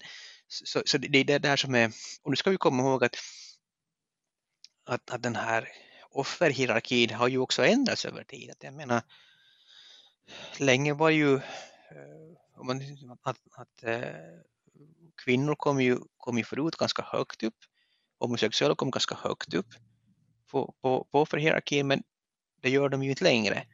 Eh, det finns andra som har tagit deras platser och åtminstone så är det inte lika tydligt att, att, att, att, de, hör, de, att de hörde upp men, men det, det är också intressant när man ser liksom för de, för de som tar det här offerhierarkin på allvar att hur svårt det kan vara att, att hålla liksom ihop begreppen. Typ exempel är då när vi talar om, om transpersoner versus kvinnor och män. Att å ena sidan så, så är det mycket, mycket tal om hur utsatt du är om du är kvinna, hur fantastiskt det är att Kamala Harris är den första kvinnliga vicepresidenten eh, hur fantastiskt det var. Det, det var då när, när Finland fortfarande, alla, alla vad heter det, eh, högsta regeringsmedlemmar i Finland, partiledare var, var, var, var kvinnor, den här kvinnliga kvintetten, hur underbart det var, etc. Där man gjorde stor sak att det var kvinnor. Men det är samma personer som, som tycker att kön inte, inte finns. Att man identifierar sig på som Det här blir ju svårt liksom att, att, att äh, få gå ihop transpersoner och deras problem med kvinnor och deras problem i och med att om man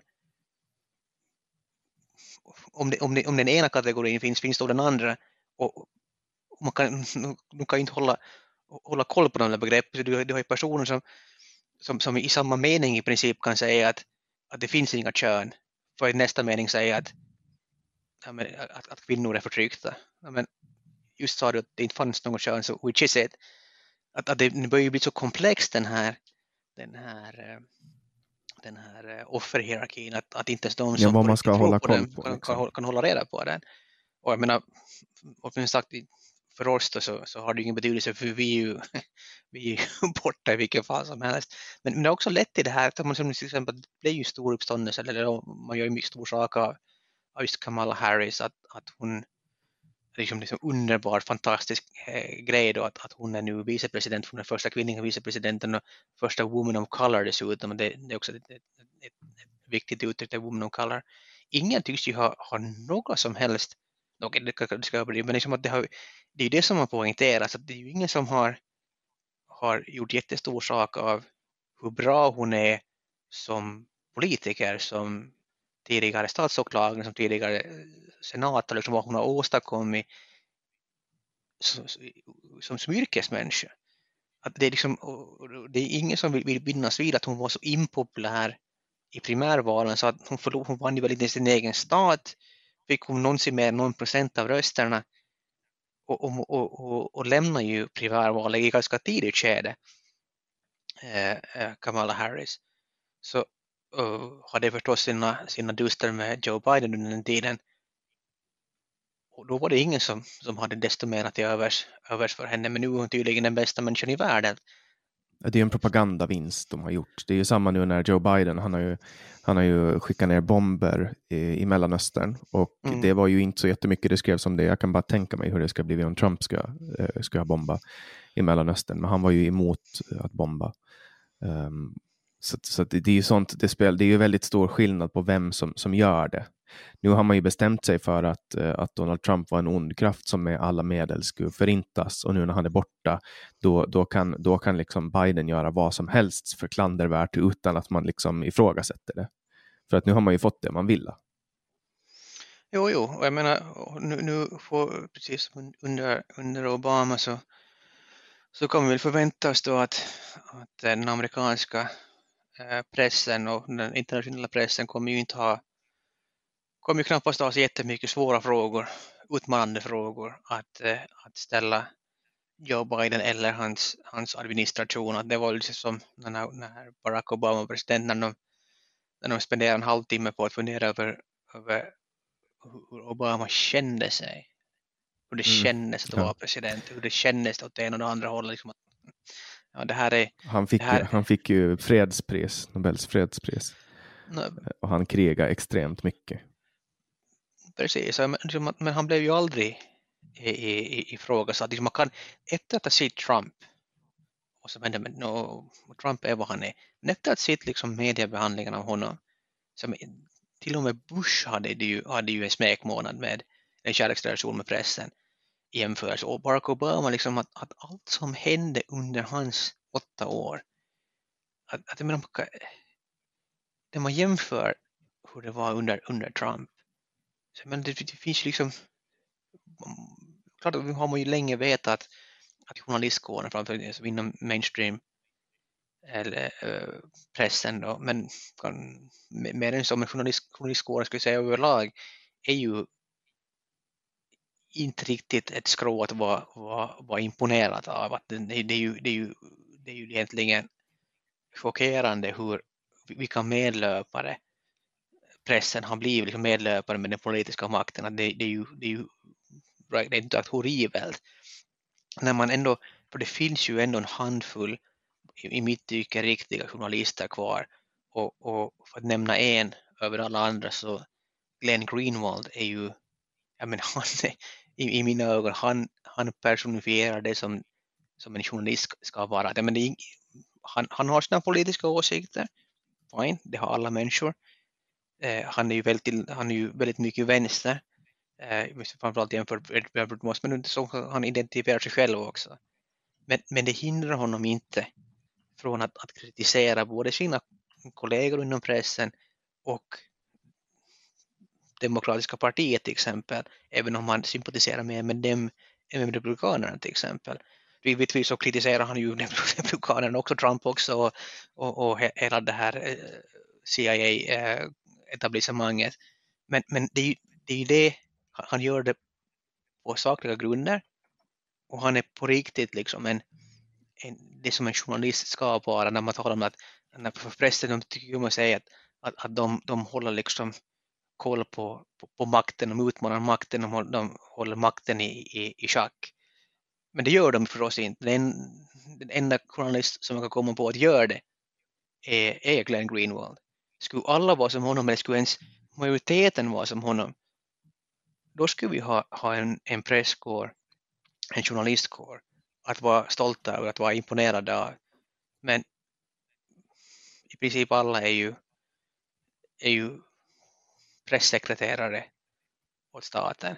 Och även liksom då när man, nej, som under, under Trump när man faktiskt kritiserade presidenten så, så gjorde man ju samting, allting för att, för att lyfta upp det demokratiska partiet alla, alla liksom, hans politiska motståndare och, och, och man ju höjde, höjde det här NSA och CIA, FBI, alla de här här, eh, underrättelsetjänsten och, och, och polisen, polisiär, den högsta polisiära myndigheten till, till skyarna men att John Brennan anställdes väl av så han anställdes av CNN och James Clapper anställdes av MSNBC.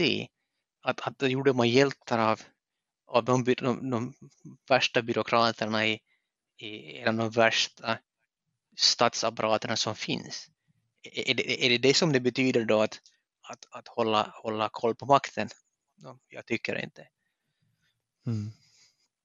Nej, det är alltså amerikansk politik är någonting som jag, jag, jag har liksom fundamentalt svårt att greppa vad det är som, som sker i det här landet och varför det får ske på det sättet som till exempel det här presidentvalet. Eh, hur, hur, man kan liksom, hur man kan skapa så där mycket kaos. Eh, vad det var som alltså, Deras system är dåligt, våra system är också dåliga, men USAs system är riktigt, riktigt dåligt. Eh, och det finns ju kanske inte så jättestor vilja att för, förbättra det politiska systemet. Alltså, eh, vilka nog politiska system som är bra eller dåliga, med USA. Men du har ju i USA, du måste registrera dig för att få rösta. Det är ingenting jo, liksom, du har bara. Alltså, grejen med USA är ju det att, att varför det upplevs som komplicerat har ju inte egentligen att göra med, med systemet som sådant. Det har ju mer att göra med det att varenda delstat har sina egna regler för hur, hur valen verkställs. Att, att det, är ju, det är ju det som gör det så, så, så, så mångfacetterat. Att, att jag menar, det är det att man, att man har det här liksom med det elektorsystemet, att, att hur, hur presidenten sen väljs, eller varför det inte är folket som väljer presidenten, det är fullständigt logiskt med tanke på, på, på att det är en, eller åtminstone påstår sig vara en federal republik, att det är inte folket som väljer ska välja presidenten, det är delstaterna som gör det. Och, och det, är det, det är det som elektorerna, elektorerna representerar. Hur, hur sen valen de facto verkställs i de respektive delstaterna, det kan man ha mycket åsikter om. Det, det är det som gör att det, upp, gör det, att det upplevs som kaotiskt. Men, men liksom tanken bakom det, att, att, att du har, så som det var menat från början, att att folket väljer representanthuset, House of Representatives, liksom, the clue is in the name, medan delstaternas eh, egna parlament utser senatorerna som, som då agerar ambassadörer för, för delstaterna. Fullständigt logiskt det också. Och att, att det är det som är överhuset och det är det som ska vara liksom den utjämnande mekanismen gentemot mot representanthuset som då annars ger, ger stor makt åt att de större staterna och sen att, att presidenten väljs av staterna själva. Liksom. Och det, där det också är det, är det för att hålla koll på. Skulle, skulle det inte vara på det sättet så, så, så skulle skulle Kalifornien och New York eh, och, och, och, Illinois vara de som, som väljer president år efter år efter år. Att det, det är inte heller meningen. Liksom, det, det finns liksom ett, ett syfte med varför, när du talar om de tre, val, tre, liksom tre husen, underhuset, överhuset och vita huset, hur de väljs. Det är på grund av att USA ska vara en federal republik. Och, och det systemet är fullständigt logiskt och väldigt, egentligen väldigt bra genomtänkt. Men, men som sagt att det, sen att, att de här, att det blir sen farsartade scener i, i, i många av de här delstaterna på grund av att delstaten har sina egna regler hur, hur valen verkställs. Det, det, är liksom, det, det, det, det, är deras fel och deras problem. Tycker jag, det, det är inte ett, en, en, en, grund för kritik mot, mot idén eh, som sådan. Mm. Vad tänker du om de här eh, anklagelserna om valfusk som haglat tätt där i november? No, jag förstår dem. Jag menar, skulle jag vara en Trump-anhängare eh, och levt igenom fyra år av, av det vansinne som de har gjort så skulle jag ju skulle ju automatiskt anta att Demokraterna fuskar, men med allt annat vansinne de har gjort så, så, så det här är ju bara par for the course. Naturligtvis skulle jag, skulle jag anta det. Något bevis har, ju, har man ju inte lyckats producera tycker jag, liksom i, i, i någon... Alltså, det finns, I, i indicier finns det mycket av, men med rena bevis har jag inte Och, och, och där är ju Rudy Giuliani, hon här, kom aldrig Leslie Powell eller vad hon hette, det var någon, någon, någon advokat, en känd advokat som som påstår sig ha, ha helt oemotsägliga bevis för valfusk, men de, de kom aldrig fram. Så, eh, så eh, go figure, men att jag förstår ju fullständigt varför så många i USA tror, trodde då och tror fortfarande att, att det var fusk inblandat. För det är klart, en här stor eh, operation som är presidentval i USA så är det klart det kommer finnas massa oegentligheter, men oegentligheter är inte alltid samma sak som fusk. Men oegentligheter förekommer ju, har ju absolut förekommit och det tror jag är svårt att undvika när det är så stort som det men, Så det är en sak. En annan sak är det att Biden antagligen den mest oinspirerande eh, eh, kandidaten i, i amerikansk historia som, som, in, som, som alltså inte kampanjerar överhuvudtaget utan satt inlåst i sin källare under hela, hela liksom valkampanjen mot Trump. Att den, den här personen skulle ha fått var det 15 miljoner mera röster än vad Hillary Clinton fick eller vad, eller vad Barack Obama fick. Jo, jag vet, till viss del kan det säkert förklaras av befolkningstillväxt och liksom att, att det är naturligt att, att, att antalet röster ökar. Det är inte däremot naturligt att det ökar med 15 miljoner på så kort tid. Det, finns, det är inte naturligt och framförallt inte för, för, för ett presidentpar som totalt saknar den magnetism och den, den, den, den karisma som till exempel då Obama hade. Det man kan säga mycket om honom, men karisma hade han. Det, det, det var en av hans gåvor. Någonting som Biden absolut inte har och Kamala Harris absolut inte heller har. Att de här mm. två... Men kan det vara så att det är antalet demokrater som har ökat då? Ja, säkert har de ökat med fortfarande. Det är en sak att någonting har ökat, en annan sak att någonting har ökat med 15 miljoner jämfört med, med den populäraste kandidaten i, i, i liksom, på riktigt i, i, i, i demokratisk historia. Demokratisk och det är alltså Trump då? Alltså, det menar, i, alltså, i, titta på demokratiska partiet bara, att, att du har att, att, Biden att det skulle, att det skulle gå med 15 miljoner demokratväljare till från, från 2012 när, när Barack Obama vann eller från 2016 när Hillary Clinton blev tvåa. Eh, det, det, det tycker liksom kan det, kan det, det inte vara så att debatten... Det är, det är inte en naturlig eh, ökning. Ja, okay. Jag, ja, liksom, jag tänker så här, nu är jag bara liksom spekulerar, men kan det ha med sociala medier att göra, att folk blir mer aktiva, att unga engagerar sig? Alltså, fin, tänker du inte att det kan finnas någon naturlig förklaring? In, in till 15 miljoner. Skulle det ha varit 5 miljoner, då skulle jag inte ha Vad är det i procent då? No, hur var det nu att, att var det så att Clinton fick hon 63 miljoner, eller var det 65 miljoner röster 2016? Och, och, och Biden fick väl närmare, närmare 80 miljoner. Så att, att det är ju ganska helsike stor ökning. För du ska komma ihåg att det är inte bara det att, att, att Biden fick som 15 miljoner mer röster än Clinton och, och Obama. Det är också att, att Trump fick 10, ungefär 10 miljoner mer röster 2020 än han fick 2016. Och det är också så 10 miljoner är ganska tusans mycket det. Vi talar liksom om 15 procent give or take eh, ökning och, och det är med tanke på hur, hur mycket vansinne han har fått utstå och hur mycket vansinne han själv har, har producerat så det, är det, känns det också lite märkligt att han skulle få 10 miljoner väljare till. Igen, jag kan jag, säger inte att det är fusk, jag säger inte att det är, är, är bluff och båg.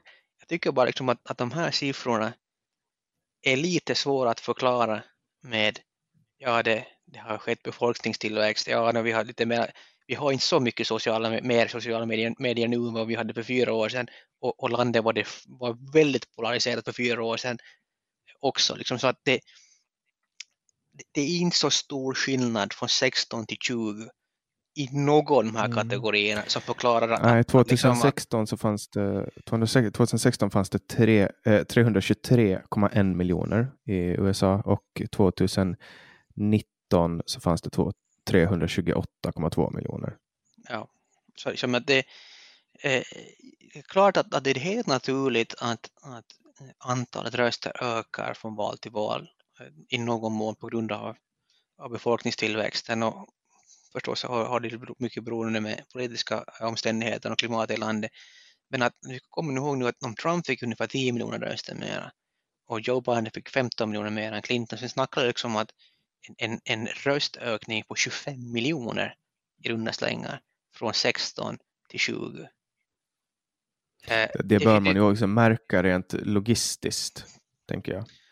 Jo, alltså, det, det, det, är ju det. Så jag menar, liksom, igen, det, det här är ju inte ett bevis för någonting, men, men det, det är en väldigt intressant siffra som, som, som jag, är, nu är jag ingen, ingen expert, man får gärna, får gärna rätta mig, får gärna utbilda mig i frågan, men att, att ett hopp med 25 miljoner från ett presidentval till ett annat, så har jag väldigt svårt att acceptera att det förklaras med, med generiska förklaringar som befolkningstillväxt, eh, polarisering, för, för, så mycket hade det inte ändrat från, från, från, från 16 till 20 och igen liksom av Biden, av alla, Biden Harris av alla människor i världen skulle få 15 miljoner mer röster än, än, än, än Clinton. Så det, det, det, det, verkar väldigt, väldigt konstigt. Så ja, då ska vi komma ihåg att Clinton är ju, alltså Hillary Clinton är ju en av de kändaste människorna i amerikansk politik. Eh, hon har varit eh, First Lady, gift med, med dåvarande presidenten. Hon har eh, varit senator, hon har varit allt som går att vara. Hon var utrik, utrikesminister. Så att, så att hon, det, det, är ju, och det är ju väldigt avgörande, jag tror en, en stor del till orsak till att Trump överhuvudtaget ens kom, så att, att han vann primärvalet då 16 och sen också vann valet 16 i sig en bedrift, men han skulle aldrig ha kunnat göra det om det inte vore för att han, han, han i 40 års tid var en av de mest offentliga, mest kända personerna i USA. Alla visste vem Trump var. Alla mm. visste mm. det. Jag tror att det jag tror väldigt, väldigt få visste vem Kamala Harris var. Och Joe Biden var ju någonting, han var vicepresident i åtta år, men, men han var ju så i skuggan av Barack Obama att någon som kommer ihåg någonting han, han, han gjorde under de här åtta åren. Men liksom, det, han är ju en total non-figur i, i, mm. under de åtta år eh, som, som, som han var vicepresident. Så han, de, ingen av dem har ju alls den name recognition som Hillary Clinton hade 2016. Så, så liksom att det, det är sådana här saker, det finns smärre grejer som just i USA talar man mycket om bellwether eh, stater, bellwether counties med det menar man då liksom till exempel Ohio är en bellwether-stat, att, att, den som har vunnit Ohio så har vunnit i princip alla presidentval de senaste hundra åren. Liksom att det finns, finns vissa stater som, som, som och, och counties, att vinner man dem så det har väldigt, väldigt hög korrelation till att vinna hela valet. Och, och det var väl var det 18 av 19 sådana här bellwether states och counties vann, vanns av Trump men ändå förlorade han valet. Det, det, finns ju mycket sådana intressanta saker som man kan nörda sig ner i fortfarande. Det är bara indicier, det är, det är statistisk spekulation. Men igen, eh, om, det om det någonsin skulle komma fram att det faktiskt hade att det faktiskt förelåg ett systematiskt valfusk som, som ledde till att, att, att Biden vann. Om det skulle komma fram bevis på det, att alla skulle, okej okay, så här, det, det hände faktiskt. Jag skulle inte bli det minsta förvånad. Inte det minsta. Mm. Um, ja, och det är ju i sådana fall väldigt, alltså jag tänker att kan, kan, om, om det är så att det är, är valfusk, då måste ju på något sätt federala myndigheter känna till det. Jag menar USA vet ju för fan när, när terrorister i Mellanöstern pruttar i en grotta i Afghanistan så vet de om det. Jo, alltså det är klart att, att, att äh, säkert finns, finns det en massa människor som vet, vet om det, men liksom, typ, liksom det är ju det här äh, argumentet mot alla, äh, allting som klassas som konspirationsteorier, är ju det att jag menar, om, om det vore så skulle ju någon ha, ha berättat det. Jag tror inte alls att det är på det sättet. Det finns, finns många som har, har, har kan ha, ha ett intresse av att val går på ett visst sätt som, som inte har någon, någon skäl eller något initiativ till att berätta det åt någon. Att, att, att det, det, är ett, liksom, det är ett enkelt argument att, eh, att, att kasta fram, men jag, jag ger så mycket, mycket tyngd åt det. Det är ganska liksom tomt retorisk, en retorisk grej att säga att ja, men någon skulle ju ha, ha blown the whistle. Varför skulle de ha gjort det? Och, och, och, och vem har sagt att, att någon inte har gjort det men man blir ju nedtystad? Jag menar liksom det eh, för, för, låt säga, tänk om det skulle vara en, vara en federal alltså, om du skulle vara en valarbetare i USA och, och du, du skulle liksom sitta med dina egna ögon att, att, att demokraterna fuskar och fuskar och går vansinnigt, att de liksom fyller på valurnorna med, med tiotusentals eh, tusentals eller tiotusentals falska valsedlar i, i avgörande distrikt. Tänk om, om, om du ska sitta här och du vet att det här har hänt. Men du har, du har, du har inga bevis på det, du, säger, du har inte filmat eller någonting, men, men du vet att det har hänt. Och du skulle gå ut i allmänheten och påstå det här, ingen skulle tro på dig. Jag menar, det kan ju, mm. att den här idén om att någon skulle ha, ha, ha, sagt någonting, nej, varför i hela världen skulle de göra det? När man ser, framförallt nu för det när man ser hur folk blir behandlade. Alltså en person utan liksom att kunna bevisa sitt påstående skulle gå ut och säga att jag såg att det här hände, liksom, på riktigt, jag såg det här, tro mig. Den personens liv skulle vara förstört nästa dag. Mm. Ja, vad tänker du, vad, vad, tänker vad du om det här? Vad som skulle hända? Så det finns inga skäl att tro att, att, att, eh, att, att någon skulle våga äh, äh, avslöja ett, ett valfusk om, om, det för, om, om, om det faktiskt förelåg så. Det är absolut inga skäl att tro att någon skulle, skulle våga gå ut i offentligheten med det. Vad tänker du om, om det här att, eh, att Biden, att man vet om att det finns ju de som säger att man vet att Biden är senil eller dement och har någon form av Alzheimers sjukdom eller liknande och att man har satt dit, att man har kuppat för att få dit Kamala Harris som president, att han kommer att avgå.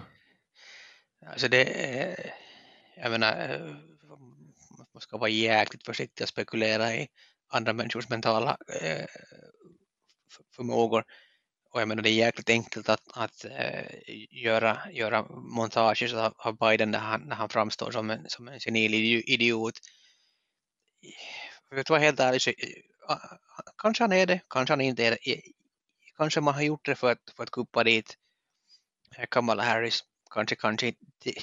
Om det är så, jag blir inte förvånad. Igen, liksom det är samma sak med det också. Liksom att när det kommer den här nivån, efter, efter det man har sett de senaste fyra åren, men också längre tillbaks, så, så, vem kan bli förvånad över någonting mer? Alltså, det, det skulle inte, alltså, jag, jag, jag har inga direkta skäl eller grund att tro att så här är för att han är senil och att man valde att, att demokratiska partiet lyfter fram honom för att göra honom till en placeholder president att, att det senast efter första mandatperioden stiger åt sidan så att Kamala Harris vinner eller, eller får ta över eller att han, han av, avgår redan under sin första period. Eh, jag, jag, jag, har, jag, kan inte peka på någonting konkret som, som, som gör att man har skäl att på riktigt tro det här. Men igen, om det visar sig att det är på det sättet, ingen blir mindre förvånad än, än jag om, om det kommer fram. Och, och jag menar, det i sig borde väl, och jag tror, att, eh, jag tror inte att jag är ensam om att tänka på det här sättet, och det i sig borde ju väl, tycker man att någon gång borde väl någon som är väldigt politiskt engagerad, även i det landet men också här, här, här i våra hemtrakter, att få liksom en tankeställare liksom om, om, om människors förtroende är så här lågt så är det kanske någonting vi borde göra annorlunda. Men det är ju förstås bara önsketänkande. Mm. Ja, um, vi har ungefär en halvtimme kvar. Uh, vad känner du att vi, vi borde prata om? För att med, med det så kan man prata om i princip vad som helst som spänner runt världspolitik eller ekonomi. Men känner du att du har någonting som du vill ta upp? Ja, e-, egentligen jo, att det, som förstås lite går ihop med det som, som jag talade tidigare, men, men att eh, observera, observera en intressant trend här i Finland gällande eh, vår premiärminister, och statsministers eh, förmåga att leda Finland i den här krisen. Och, och, hon hyllades ju väldigt mycket, både i Finland och, och runt om i världen, under hela förra året egentligen. Kanske mot, mot slutet av förra året så började kanske kom, började man märka lite mer och mer kritiska röster, men i början av första halvåret åtminstone så var det ju idel eh, lovord och, och beundran. Nu jag råkade titta så sent som idag så råkade jag titta på, på Twitter och hon hade skri, skrivit någonting om att regionalförvaltningsverken i Finland som regionala myndigheter som, som har, till exempel, har, har möjlighet eller har befogenhet att kräva testning av av, av personer så covid-testning eh, kan eh, liksom begränsa de, de som fattar, kan fatta beslut om att, att eh, begränsa öppettid och den här typen av grejer. nu, nu har de nog kommit fram till då att, att eh, någon, någon lag hade behandlats och de hade nu fått sin, sin befogenhet att, att liksom kräva testning vid, vid, vid gränserna ehm, när folk kommer in i Finland och så vidare. Så hade hon tweetat om det, att det här var ju ett väntat korrekt beslut. Så började jag titta på kommentarerna, liksom, de första par tio kommentarer, par dussin skulle jag våga säga, så var oerhört kritiska mot den här ministern, premiärminister, statsministern som tidigare bara hade lovordat alltså, och, och, och folk anklagade henne för, för inkompetens, för, för passivitet, att varför gör man någonting först nu, varför gjorde du inte det här för ett år sedan? Och liksom din, ditt ledarskap har lett till att hundratals har, har, har dött och tusentals har förlorat sin hälsa och miljarder i kostnader.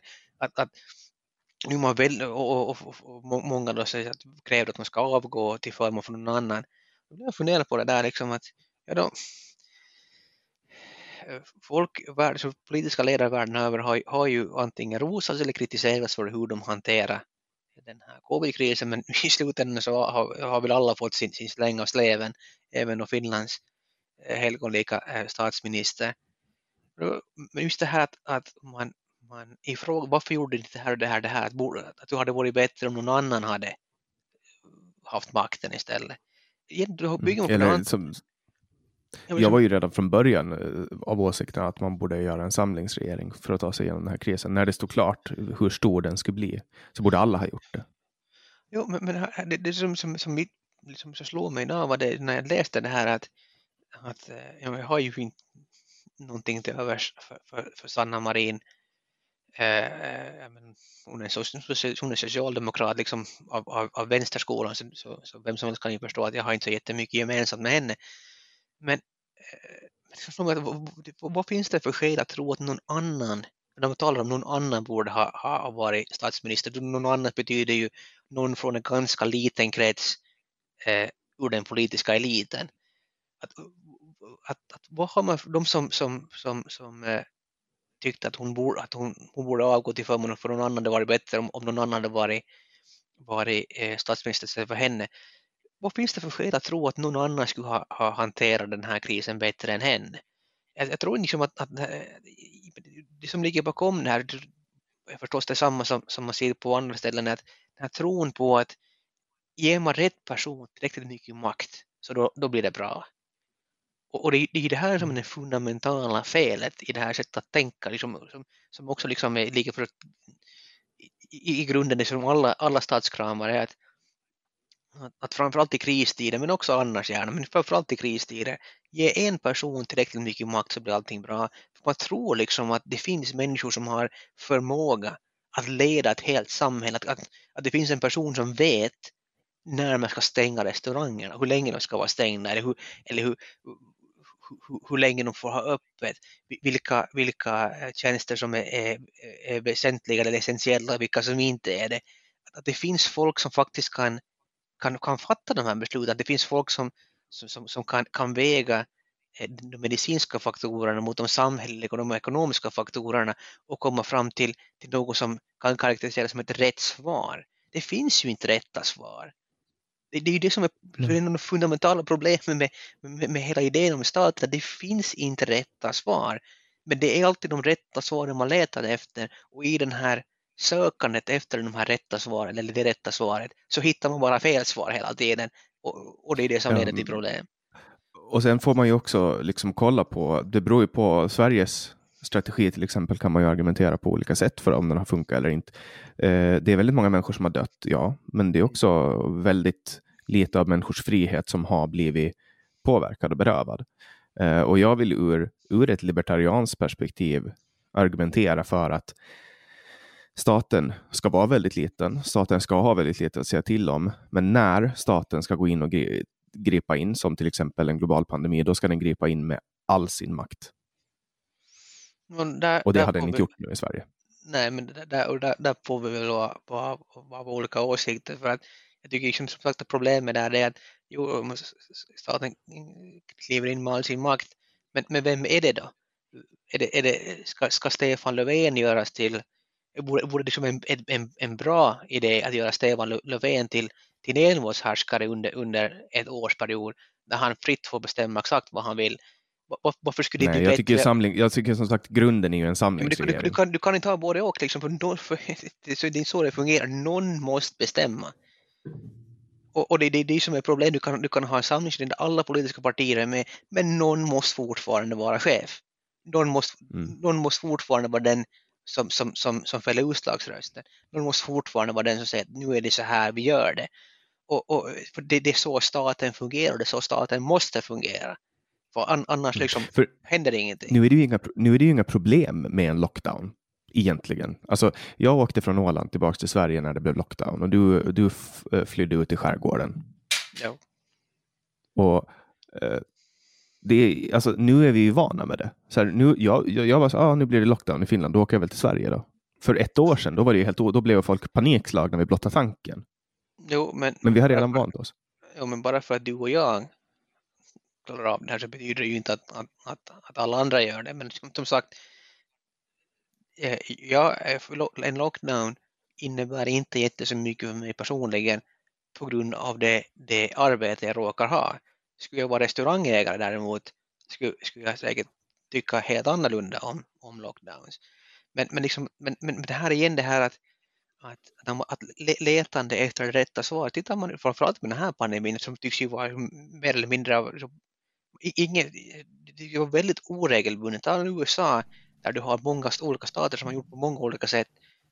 var det var, Iowa tror jag lyfte fram som ett exempel där, där man för länge sedan slopade eh, tvånget på, på ansiktsmask på sig. Och alla då, och när, när det gjordes så, så utmålades, det, var, det var någon just eh, vänsterliberal eh, nyhetsankare som, eh, eller det var en rubrik i Washington Post tror jag, där det stod att Welcome to Iowa, the state where eh, nobody cares if you die, eller liknande. Med hänvisning till att när man har tagit bort det här mask, masktvånget så tycker man uppenbarligen att folk gärna får dö. Ja, där där har, har, har covid-fallen sjunkit. Och i USA överlag så, så är ju, är ju covid-siffrorna på väg åt rätt håll vad gäller just dödsfallen. Och tittar man här i Finland där vi har liksom en enorm ökning av antal smittofall. Så det korrelerar inte alls med, med dödsfallen. Det är inte egentligen mycket mer dödsfall eller, sjuk, eller, eller intensiv sjukvårdsfall eh, nu jämfört med ett år sedan när vi hade 200 fall i veckan istället för 800 som vi haft nu som värst. Och det här också i, i, i det här med lockdownen, okej du har lockdown under den lockdownperioden och en, en stund därefter så får du då mindre, mindre smittofall. Men, men så fort du slutar med den så kommer det ju öka igen. Och det var ju det som hände förstås i Finland på, nu här i Finland på, under hösten när vi hade liksom väldigt, vi hade sträng lockdown under, under våren. Det öppnades upp lite, det öppnades upp under sommaren och sen så börjar, börjar fallen öka. Det är väl klart att de ökar när man öppnar samhället. Men Mm. om Men nu, vill man ju, nu har man ju gått ut och sagt att nu vill vi ha en sommar med turism och, och affärer. Liksom. Jo, men man kan, ju, man kan ju inte lita på det de säger. För nu, nu har vi lockdown fram till slutet av mars. Och in, in, inte förväntar jag mig att, att april kommer vara så mycket annorlunda. Då, då, då, för de, de, allting de har gjort har, har de gjort två veckor i taget. Eller tre veckor i taget. Så nu har vi tre veckor lockdown i Finland.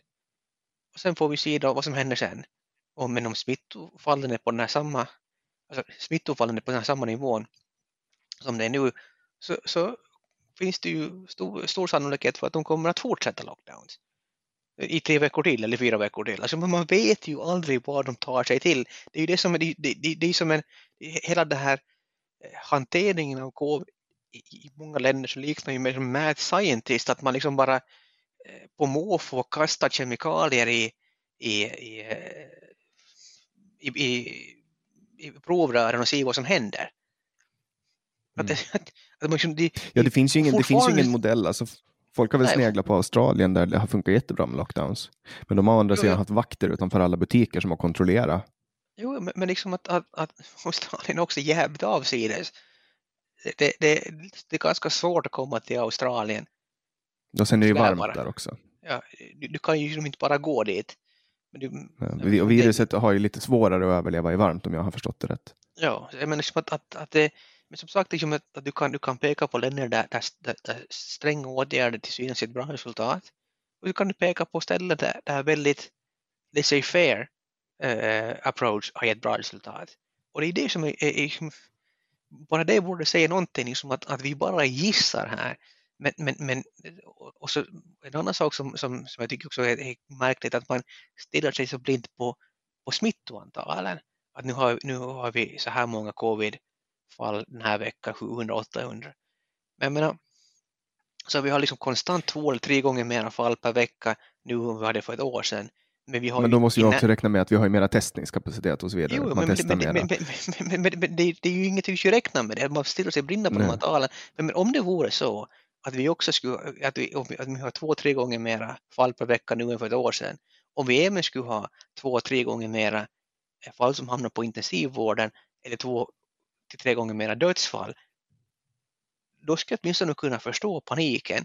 Men nu har vi liksom en, en, en skarp ökning i antal eh, bekräftade fall, men inte på något sätt en korrelerande ökning i intensivvård och dödsfall.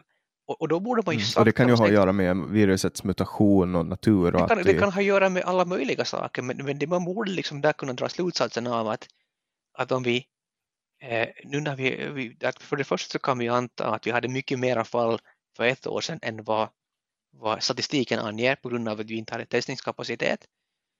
Men om vi nu har så här många fall men ändå så lågt dödstal, så lågt intensivvårdstal så kanske den inte är liksom att jämställas med ett krig, en väpnad invasion eller svarta pesten eller något annat. Liksom att, att jo, eh, man ska inte eh, underskatta den här sjukdomen och den är jävligt smittsam. Men rent statistiskt så är det ju inte faktiskt sådär jättedödlig. Och, och, och, då måste man ju snart börja, börja liksom kunna försöka mäta att, att är det faktiskt givet att den inte är så dödlig, är det då motiverat att vidta sådana här drakoniska åtgärder som vi hållit på med de senaste åren och tydligen tänker fortsätta länge till. Men det, hör, det är väldigt lite prat åt det hållet. Tvärtom så, så, vill man ju återgå till de här drakoniska åtgärderna. Att, att det, liksom, det som är så, så frustrerande med det här är att, att, att, att liksom, liksom det som också säger att, att, någon som har haft covid och haft liksom väldigt, väldigt svårt, varit sjuk i ett par månader i, i vissa fall. Så det, det måste man nog ta på allvar. Jo, säkert, det var ju jättejobbigt för dig. Men för varje sån historia så tycks det finnas 10, 15, 20, 100 pers som, som inte ens visste om att de hade covid. Det kom gick utan att de ens jag hade, det. Jag hade, jag hade det för exakt ett år sedan, i mars. Uh, och jag hade huvudvärk. Uh, och det var det. Alltså jag hade huvudvärk ja. och det var allt. Så, Två dagar. Precis. Så det menar, menar liksom att, att, att eh, eh hela tiden, alltså, enda historien som lyfts fram är ju just de som har haft ett jättesvårt fall av det. Men det är klart, vad ska man göra? Eh, det är ju ingen historia att till exempel i ett fall, jag hade huvudvärk i två dagar. Det blir ju ingen historia. Men de finns ju där och man vet att de finns där.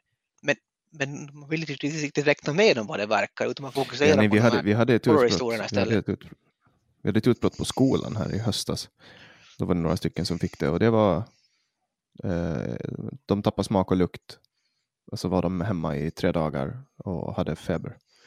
Och sen var det klart. Ja.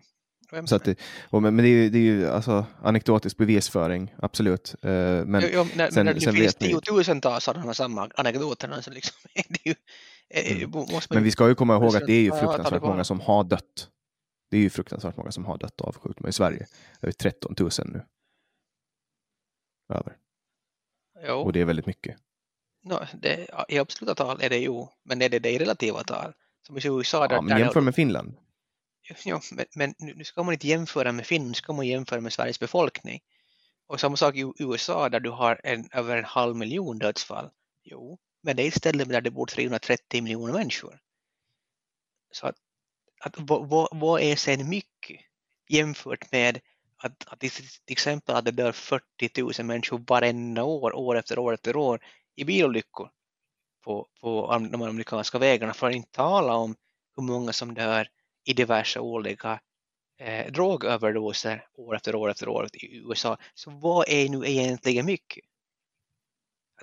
Det är ju mm. också en grej som, som, som, som har, har tappat liksom all all kontakt, liksom att, att allting är mycket, men det finns de som tycker att, att, att det har dött jättemycket människor i Finland. Det är extremt mycket för att vara ett förkylningsvirus. Är det det jämfört med vanlig, influensa? För det är inte, det är, det är, inte ett förkylningsvirus, det är ju ju ett influensavirus. Jag menar, ja, men influensavirus. Ja. Ja, så, så är, är, det det? Ja, det är väl det att det är extremt, extremt, extremt smittsamt. Alltså om alla skulle bli smittade samtidigt. Vi såg ju hur det gick i Sverige med intensivvårdsplatserna. Det fanns ju inte plats. Folk fick ligga i korridorerna. Man fick stänga av, man fick söva ner folk och låta dem dö. För att det inte ja. fanns plats. Och så, är det inte, så var det inte för två år sedan när influensaperioden kom. Och så har det inte varit tidigare. Utan det är ju någonting som har hänt. Alltså det är ju, det är ju inga, alltså, det är svårt att, att liksom komma bort från det faktum att människor som inte ha, skulle ha dött för två år sedan har dött nu på grund av att det har spridits ett jätte, jätte eh, konstigt virus från Kina som, som angriper på ett helt nytt sätt, lurar sig in i våra celler och angriper kroppen. Liksom. Det, det är visserligen sant, men där igen när man tittar på covid-statistiken så är det ju också eller dödsfall, hur, hur pålitlig den är. På tal om att hur många sen har, har, har dött på grund av att de har för, förvägrats vård på grund av covid. Sen är det ju annars, det är också, liksom, det är också ett, ganska facilt argument att hänvisa till att det finns inte mer, att liksom, antal intensivvårdsplatser eh, har, har överväldigats. No, vems fel är det då? Jag menar liksom att var, varifrån, vem är ansvarig för, för, för antalet, hur många, hur många intensivvårdsplatser det finns? Jo, men sen om, om, det går ju inte att jobba i en 100% säker miljö. Alltså sen när alla intensiv, eh, all intensivpersonal ligger sjuka i covid eh, eller deras barn är och de sitter i karantän, det, det, kommer, ju som, det kommer ju med så mycket. Då som, har vi ju ett som, jättestort problem. Det är ju ingen som, som, som förnekar det, men det är ju inte som att, att, att de här åtgärderna inte skulle ha haft, haft väldigt problematiska följer också. Det, det, annars, det har de, det har de absolut. Men, men, men, det är ju också en aspekt i den här debatten är att alla de otroligt negativa följderna, som inte bara liksom, nu talar bara ekonomiska följder utan också rent att folk har dött på grund av att de inte har fått, fått cancerdiagnoser och, och, eh, och eh, vård tillräckligt tidigt, att inverka på mentala hälsan som, som, som kan, kan konsekvenserna vi, vi kommer att eh, få, få mäta de kommande 10-20 åren och alla de här bitarna allting har ju sopats under mattan för det enda som spelar roll är att du inte dör i covid. Det är fine om du, om du tar livet av dig. Det är fine om du dör i cancer. Det, det är fine liksom om du blir, blir ihjälslagen av, av din alkoholiserade partner. Det är helt okej okay, så länge du inte dör i covid. Mm. En, en intressant sak, det är ju det är sant, alltså det du säger, att, att det, det kommer ju med mycket bizarra perversioner som, som vi inte kan kontrollera eller räkna ut på förhand. Men en sak som jag tror man ska vara lite positiv är ju att nu har ju världen tvingats in i en digitaliseringsprocess uh, utan dess like. Uh, nu, är det ju, nu drog du inte ens på, på du knorrade inte ens när, när jag sa att vi kunde spela in online. Uh, när vi pratade om att starta en podd för lite mer än ett år sedan uh, då, och, och, vi pratade om att ha den online så ville vi ju undvika det så långt som möjligt och nu, nu var det inte ens snack om saken. Nu kör vi det här digitalt. Liksom. att, att, att folks eh, attityd till online-möten har ändrats och folk har liksom tvingats in i att lära sig hur man ska hantera de här digitala verktygen. Så att nu har digitaliseringen fått fart på ett sätt som den inte skulle ha gjort på 15-20 år tror jag annars. Ja, alltså, det, det, är väl som, som så mycket annat att det, det, det, finns ingenting dåligt som inte skulle ha något gott med sig. Och, och det, är ju, det är ju hemskt att säga om, om någonting som covid förstås. Men, men det är sant om covid det är sant om, om om, om mycket, mycket annat också. Och, och, och, och här får man ju då försöka hitta det positiva i, i det överväldigande negativa och just den här digitaliseringen eller hur mycket den har, har skjutits framåt så, så är ju förstås, tycker jag åtminstone, en, en väldigt, väldigt positiv sak eh, i, i, i, i mångt och mycket. Just till exempel som, som du sa, att, att det var inga, snack, inga konstigheter med att göra det här den här podcasten digitalt över nätet utan att ha fysiskt möte. Eh, jo, det går, det, det funkar bra och, och, och, ingenting att säga om det och i många fall är det väldigt praktiskt att kunna ha det på det sättet. Men det, gör, det ändrar inte på det faktum att, att eh, det skulle ha varit ännu roligare om vi kunde ha suttit vid samma bord och tittat varandra i ögonen. Det är sant. Det är helt sant. Men det är som sagt, eh, attityderna har förändrats.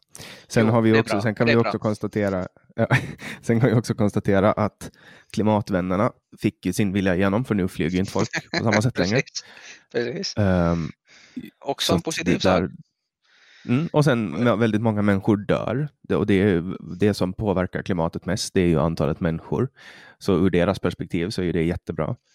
Um, jo, jo alltså, na, na, naturvännerna älskar ju när folk, folk dör i, i, i högar oberoende på vad det är de dör av. Så det faktum att människor dör är ju i sig en positiv sak. Ja, så om man ska kolla på statistik och, och på ja. åverkan på miljö och klimat liksom, så är det ju positivt ur deras perspektiv. Nu raljerar vi lite, men det måste man få ja, göra. Det måste, måste man få göra, det alltid, alltid lite nu då. Vi, vi, vi får nog vår, vår släng av den också ganska ofta tror jag. Så, så det, all ja, good fun. Och då har vi närm Ja, och då har vi närmat oss slutet då för, för ditt återbesök här i podcasten Samtal. Eh, tusen tack för att du hakar på Kai. Tack så mycket att jag fick vara med. Och till alla er som har lyssnat, eh, ni kan ju som sagt då gå in och lyssna på det första samtalet som jag hade med Kai, eh, som torde ha varit någon gång hösten 2019. Eh, det var ganska i början på den här podcasten när den fortfarande var lokalt baserad på Åland. Så där är det lite mera lokala vinklar. Men, men eh, eh, kolla in den och kolla gärna in andra samtal. Ni hittar ju dem på den plattformen ni lyssnar på nu eller på valfri plattform. Jag brukar lyssna via Spotify numera. Eh, ni får gärna kolla in beskrivningen i den plattformen ni tittar på, för där hittar ni länkar till patreon.com där ni kan gå in och donera pengar. Ni kan också gå via min hemsida samtal.ax och kolla på min Paypal-adress eh, eller mitt swishnummer 0703522472 dit ni gärna får swisha lite pengar som eh, tack för eh, att jag gör den här podden helt utan kostnad för er. Eh, ni kan också gärna gå in på hemsidan www.samtal.ax där ni kan tipsa om olika gäster. Jag tar alla i beaktande när jag väljer gäster. Jag släpper nya samtal alla onsdagar året runt. Jag heter Jannik Svensson och du har lyssnat på podcasten Samtal.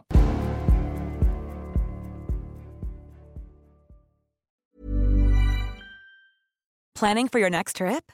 Elevate your travel style with Quince. Quince has all the jet-setting essentials you'll want for your next getaway, like European linen, premium luggage options, buttery soft Italian leather bags, and so much more. And is all priced at 50 to 80% less than similar brands. Plus, Quince only works with factories that use safe and ethical manufacturing practices.